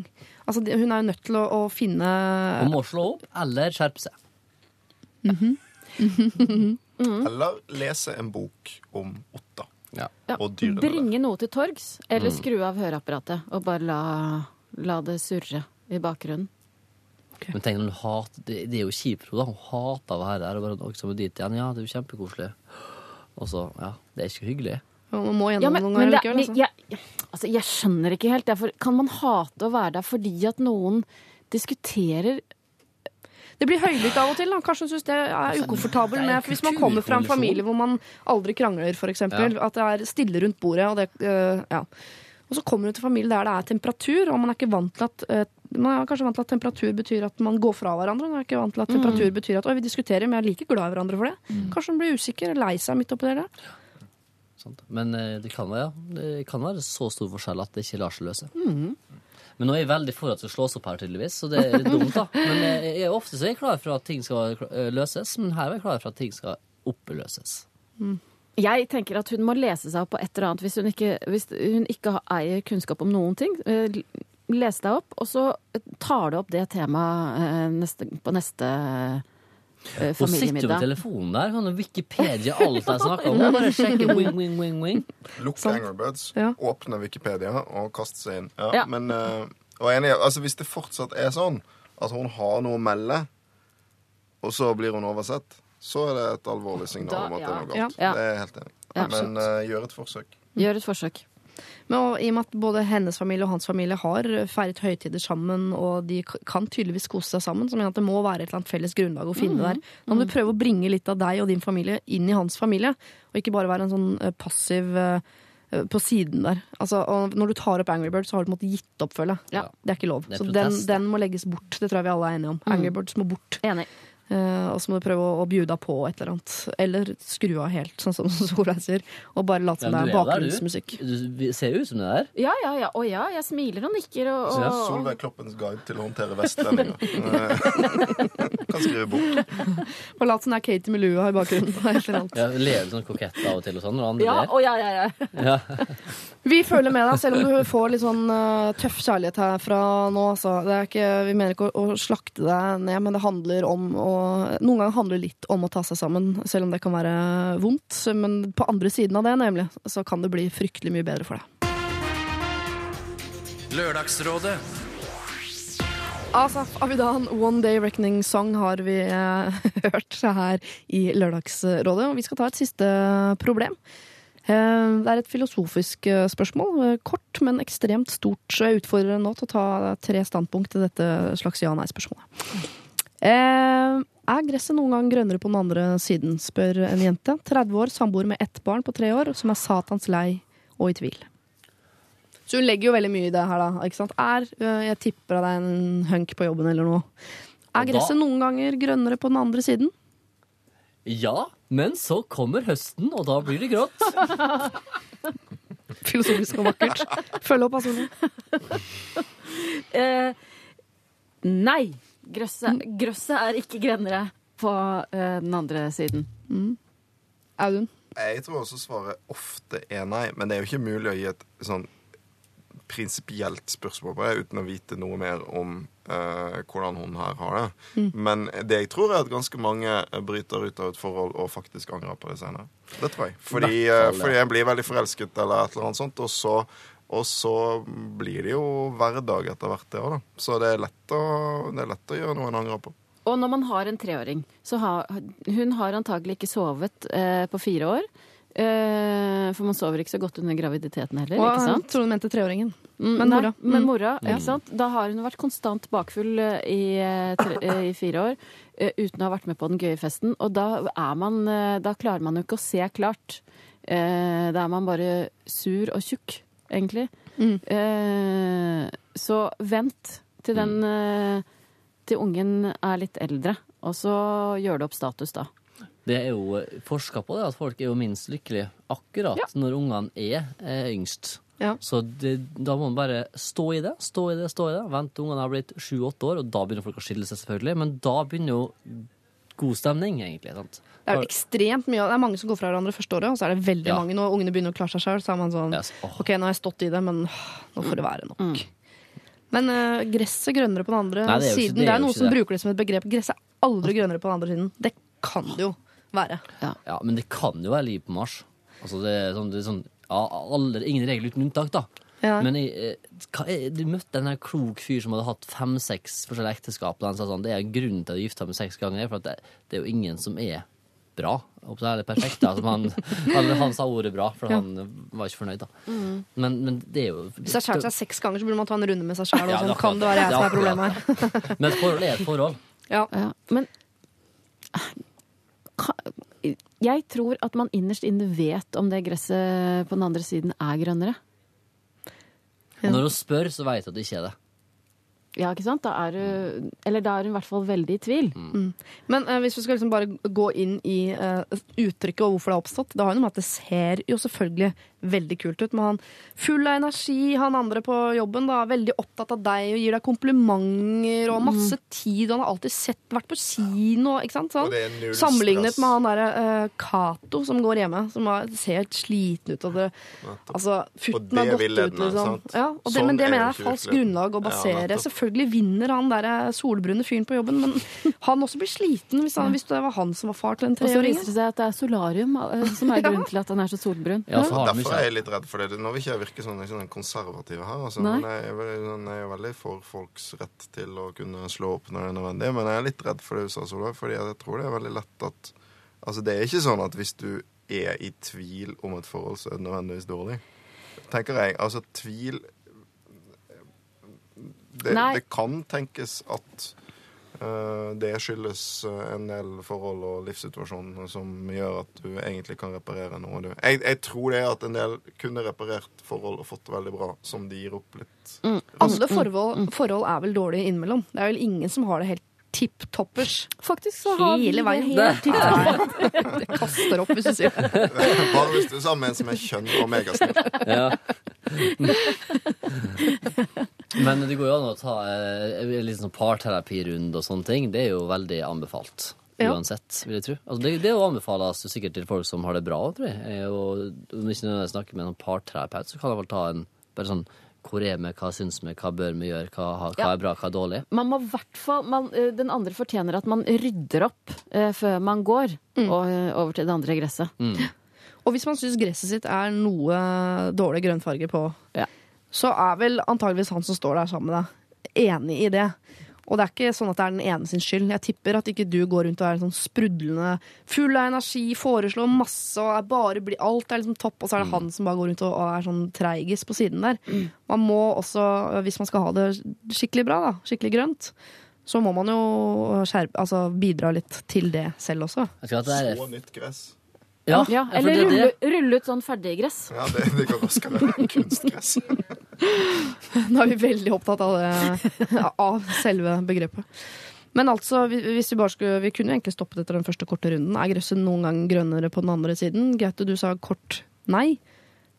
Nei, Solveig jeg Jeg sa sa ja, sa ja. Ja, ja, men det blir du. fort grått, sa jeg. Det sa du. Ja, det sa jeg. Solveig, du sa Nei. mm. Og Audun, du sa ja og nei, egentlig. Ja, altså jeg er jo egentlig eh, enig med Gaute. Det er eh, Det kan selvfølgelig skje, men det er slett ikke sikkert. Så det er veldig farlig å lure seg sjøl ut fra noe du ser liksom på den andre åsen der borte, som du ikke, Optisk har, som du ikke Ja. har tatt et nærmere Har det Det er mye som er pent på avstand. Så for det sånn. ja, det er men det er så risiko, da. Det, det, er det verdt risikoen? Plutselig sitter du alenemor, og hvor kult er det, da? Nå tenker- lager du en sånn bevegelse som det ser ut som at man ammer, men hun eh, ja, eh, man, am, Det er ikke så mange som ammer treåringer. Jo, nei, det, det, det bevegelsen var faktisk at han hadde spysjuka ungen. Og så ja, satt han opp i do, og, og så treåringen, og så bare og Da tenker jeg at livet er, er kjipt. Da kan jeg si sånn Det hadde vært hyggelig om det var en mann her. Tenk litt på det, altså. Det, eh, kanskje det ser grønnere ut, ja. Men eh, vi kan ikke svare på eh, om det er det i dette tilfellet. I noen tilfeller er det det. Men når du er såpass eh, vag i spørsmålet, så blir altså rådet såpass vagt som eh, ja, nei eller kanskje. Lørdagsrådet på P3. Nå har vi kommet dit, eh, folkens, at vi skal dele ut en T-skjorte. Det er jo noe av det hyggeligste vi gjør i Lørdagsrådet. eh, Og det er da til en av de som har sendt inn sitt problem til oss i dag. Jeg kan oppsummere litt sånn kjapt. Eh, Vi har de to fremtidsjentene, altså disse på 23, som ikke klarte å tenke for langt fram i tid når de traff en gutt som var litt søt. Og så har du de da som eh, spleisa eh, et vennepar. som spleisa to venner, og i ettertid viser at han ene driver med noe litt sånn lyssky virksomhet. Som de, hun lurer da på om hun skal si det til venninnen sin. Så har du eh, to venninner eh, som eh, nesten har mista tonen, altså, fordi hun ene har kjøpt seg smarttelefon, noe de to faktisk var enige om at de aldri skulle gjøre. Til deg som ikke hørte den, som skrudde på nå, så høres det jo veldig sånn eh, bagatellmessig ut, men ta så last ned podkasten, så skjønner du at det der er eh, et, Et betent sår. Et samfunnsproblem. Et globalt samfunnsproblem. Overraskelsesfrieriet. Skal det skje, eller skal det ikke? Så har vi lukta fra fortiden. Har hun som funnet en gammel parfyme fra en eks, kan hun da bruke den selv om lukten jo kan minne om eksen? Selv om hun sier at det ikke gjør det, da. Så har du jenta som har krangla med bestemora si. Eh, Skal hun i dag eh, logge seg på igjen, i og med at det i dag er ti år siden mannen hennes døde? Åndssvake tufser har vi et problem som heter, og det er Facebook-relatert. En som har laget eh, vennegruppa Åndssvake tufser, og skjønner nå at de som har blitt lagt til i denne gruppen, har også fått beskjed om det. Vi har en fyr vi, som drar med seg hagestolen inn i dusjen. Eh, Det syns samboeren er noe problematisk. Og så har vi hun som syns at svigers er helt ufordragelig. Så ufordragelig at hun heller spiller Angry Birds enn å høre på de diskutere verdens problemer. Og til slutt det filosofiske spørsmålet er gresset grønnere på den andre siden. En av disse skal få en T-skjorte. Vanskelig. Jeg går for uh, overraskelsesfrieriet, og det er av re private årsaker. fordi at nå har jeg fått dårlig samvittighet igjen, for jeg kom på at en av mine Har du outa noen? Ja. Eller ikke outa, men jeg har ikke Altså, en av mine beste venner fridde jo til min beste venninne i, i et middagsselskap, og det kan vel kalles et uh, sånn offentlig frieri, egentlig. Kommer an på hvor mange dere var. Vi var seks. Ganske offentlig. Ja, og det syns jeg var helt nydelig. Det må jeg si. Ja. Uh, ja, så Ikke så offentlig, det. Nei. Halvprivat, Nei, kan være det. halvprivat, ikke sant? Ja, og tommelen opp for det, og derfor går min T-skjorte til det dilemmaet der. Ja. Jeg vakler litt mellom hun med smarttelefonen og han med hagestolen i dusjen. Eh, hun med smarttelefonen fordi eh, jeg syns det er liksom så tøft å ta opp en så tapt sak. Eh, da det krever guts. Mm. men jeg tror kanskje jeg går for at T-skjorten skal gå til han med kompisen med hagestolen i dusjen, fordi det var en slags ny problemstilling som eh, Og vi endte vel opp med å si at han ikke kan gjøre noe med det. Så jeg får han få T-skjorte som kompensasjon. Annet enn å gjøre som Espen, hva het han til etternavn igjen? Ja, og legge seg ned i dusjen. Ja, men det var ikke sant. Stakkars mann. må ikke Få det på seg. Kanskje han burde få en T-skjorte, for å være helt ærlig. Ja. ja, Espen Torkelsen kan få T-skjorten. Men det er ganske viktig at du sier altså, Du nevnte de tre problemene her, Audun. For at det, det er dusjen, smarttelefonen og frieriet jeg og har på lista mi. Eh, så det er liksom de tre problemene som utklasser seg. Så hvis vi da sier smarttelefonjenta, eh, så har vi komplett kaos. Så kan vi overlate roret til eh, moderskipet. For Her, eh, det er veldig uvant for meg, men her har ikke jeg noe jeg skulle ha sagt. Oh. oh. Det er jo fisk på land. Ja, men Men, fri, eh, jeg kan gå, gå, gå for frieriet. Jeg syns det var en veldig ålreit uh, Altså, ta skjorta, mindre på at du ikke skal blande det inn i andres frieri. Og sitt der og vent til hun har slått opp med kjæresten, så kan hun gå inn og være trøstende venninne igjen. Ok, Så det er Gaute og Solveig enige om det, og da gjenstår det å overbevise han fra SV, som jo er vant til å Men jeg skjønner at jeg er nedstemt. Det er greit, fordi jeg har tenkt å vinne denne runden om oljeboring, vet du, så Ja. kan jeg tape denne. Ja. Det er ja. Du skal ikke svikte folket i Lofoten. Nei. Men jeg, svi- jeg svikter han med hagestolen. Du svikter det er hagestolen. utrolig trist, egentlig. Men den det stolen er jo lagd av olje. Ja, Sant? Ja. Ikke bring flere problemer på bordet her nå. Mm. Det blir en T-skjorte til Espen Torkelsen. og så blir det en T-skjorte til eh, overraskelsesfrieridama. Det kommer i posten om ikke altfor for lenge. Tusen takk til dagens rådgivere Audun Lysbakken, Solveig Loppen og Gaute Grøtta Gran. Det har vært en fornøyelse. I like måte. Lørdagsrådet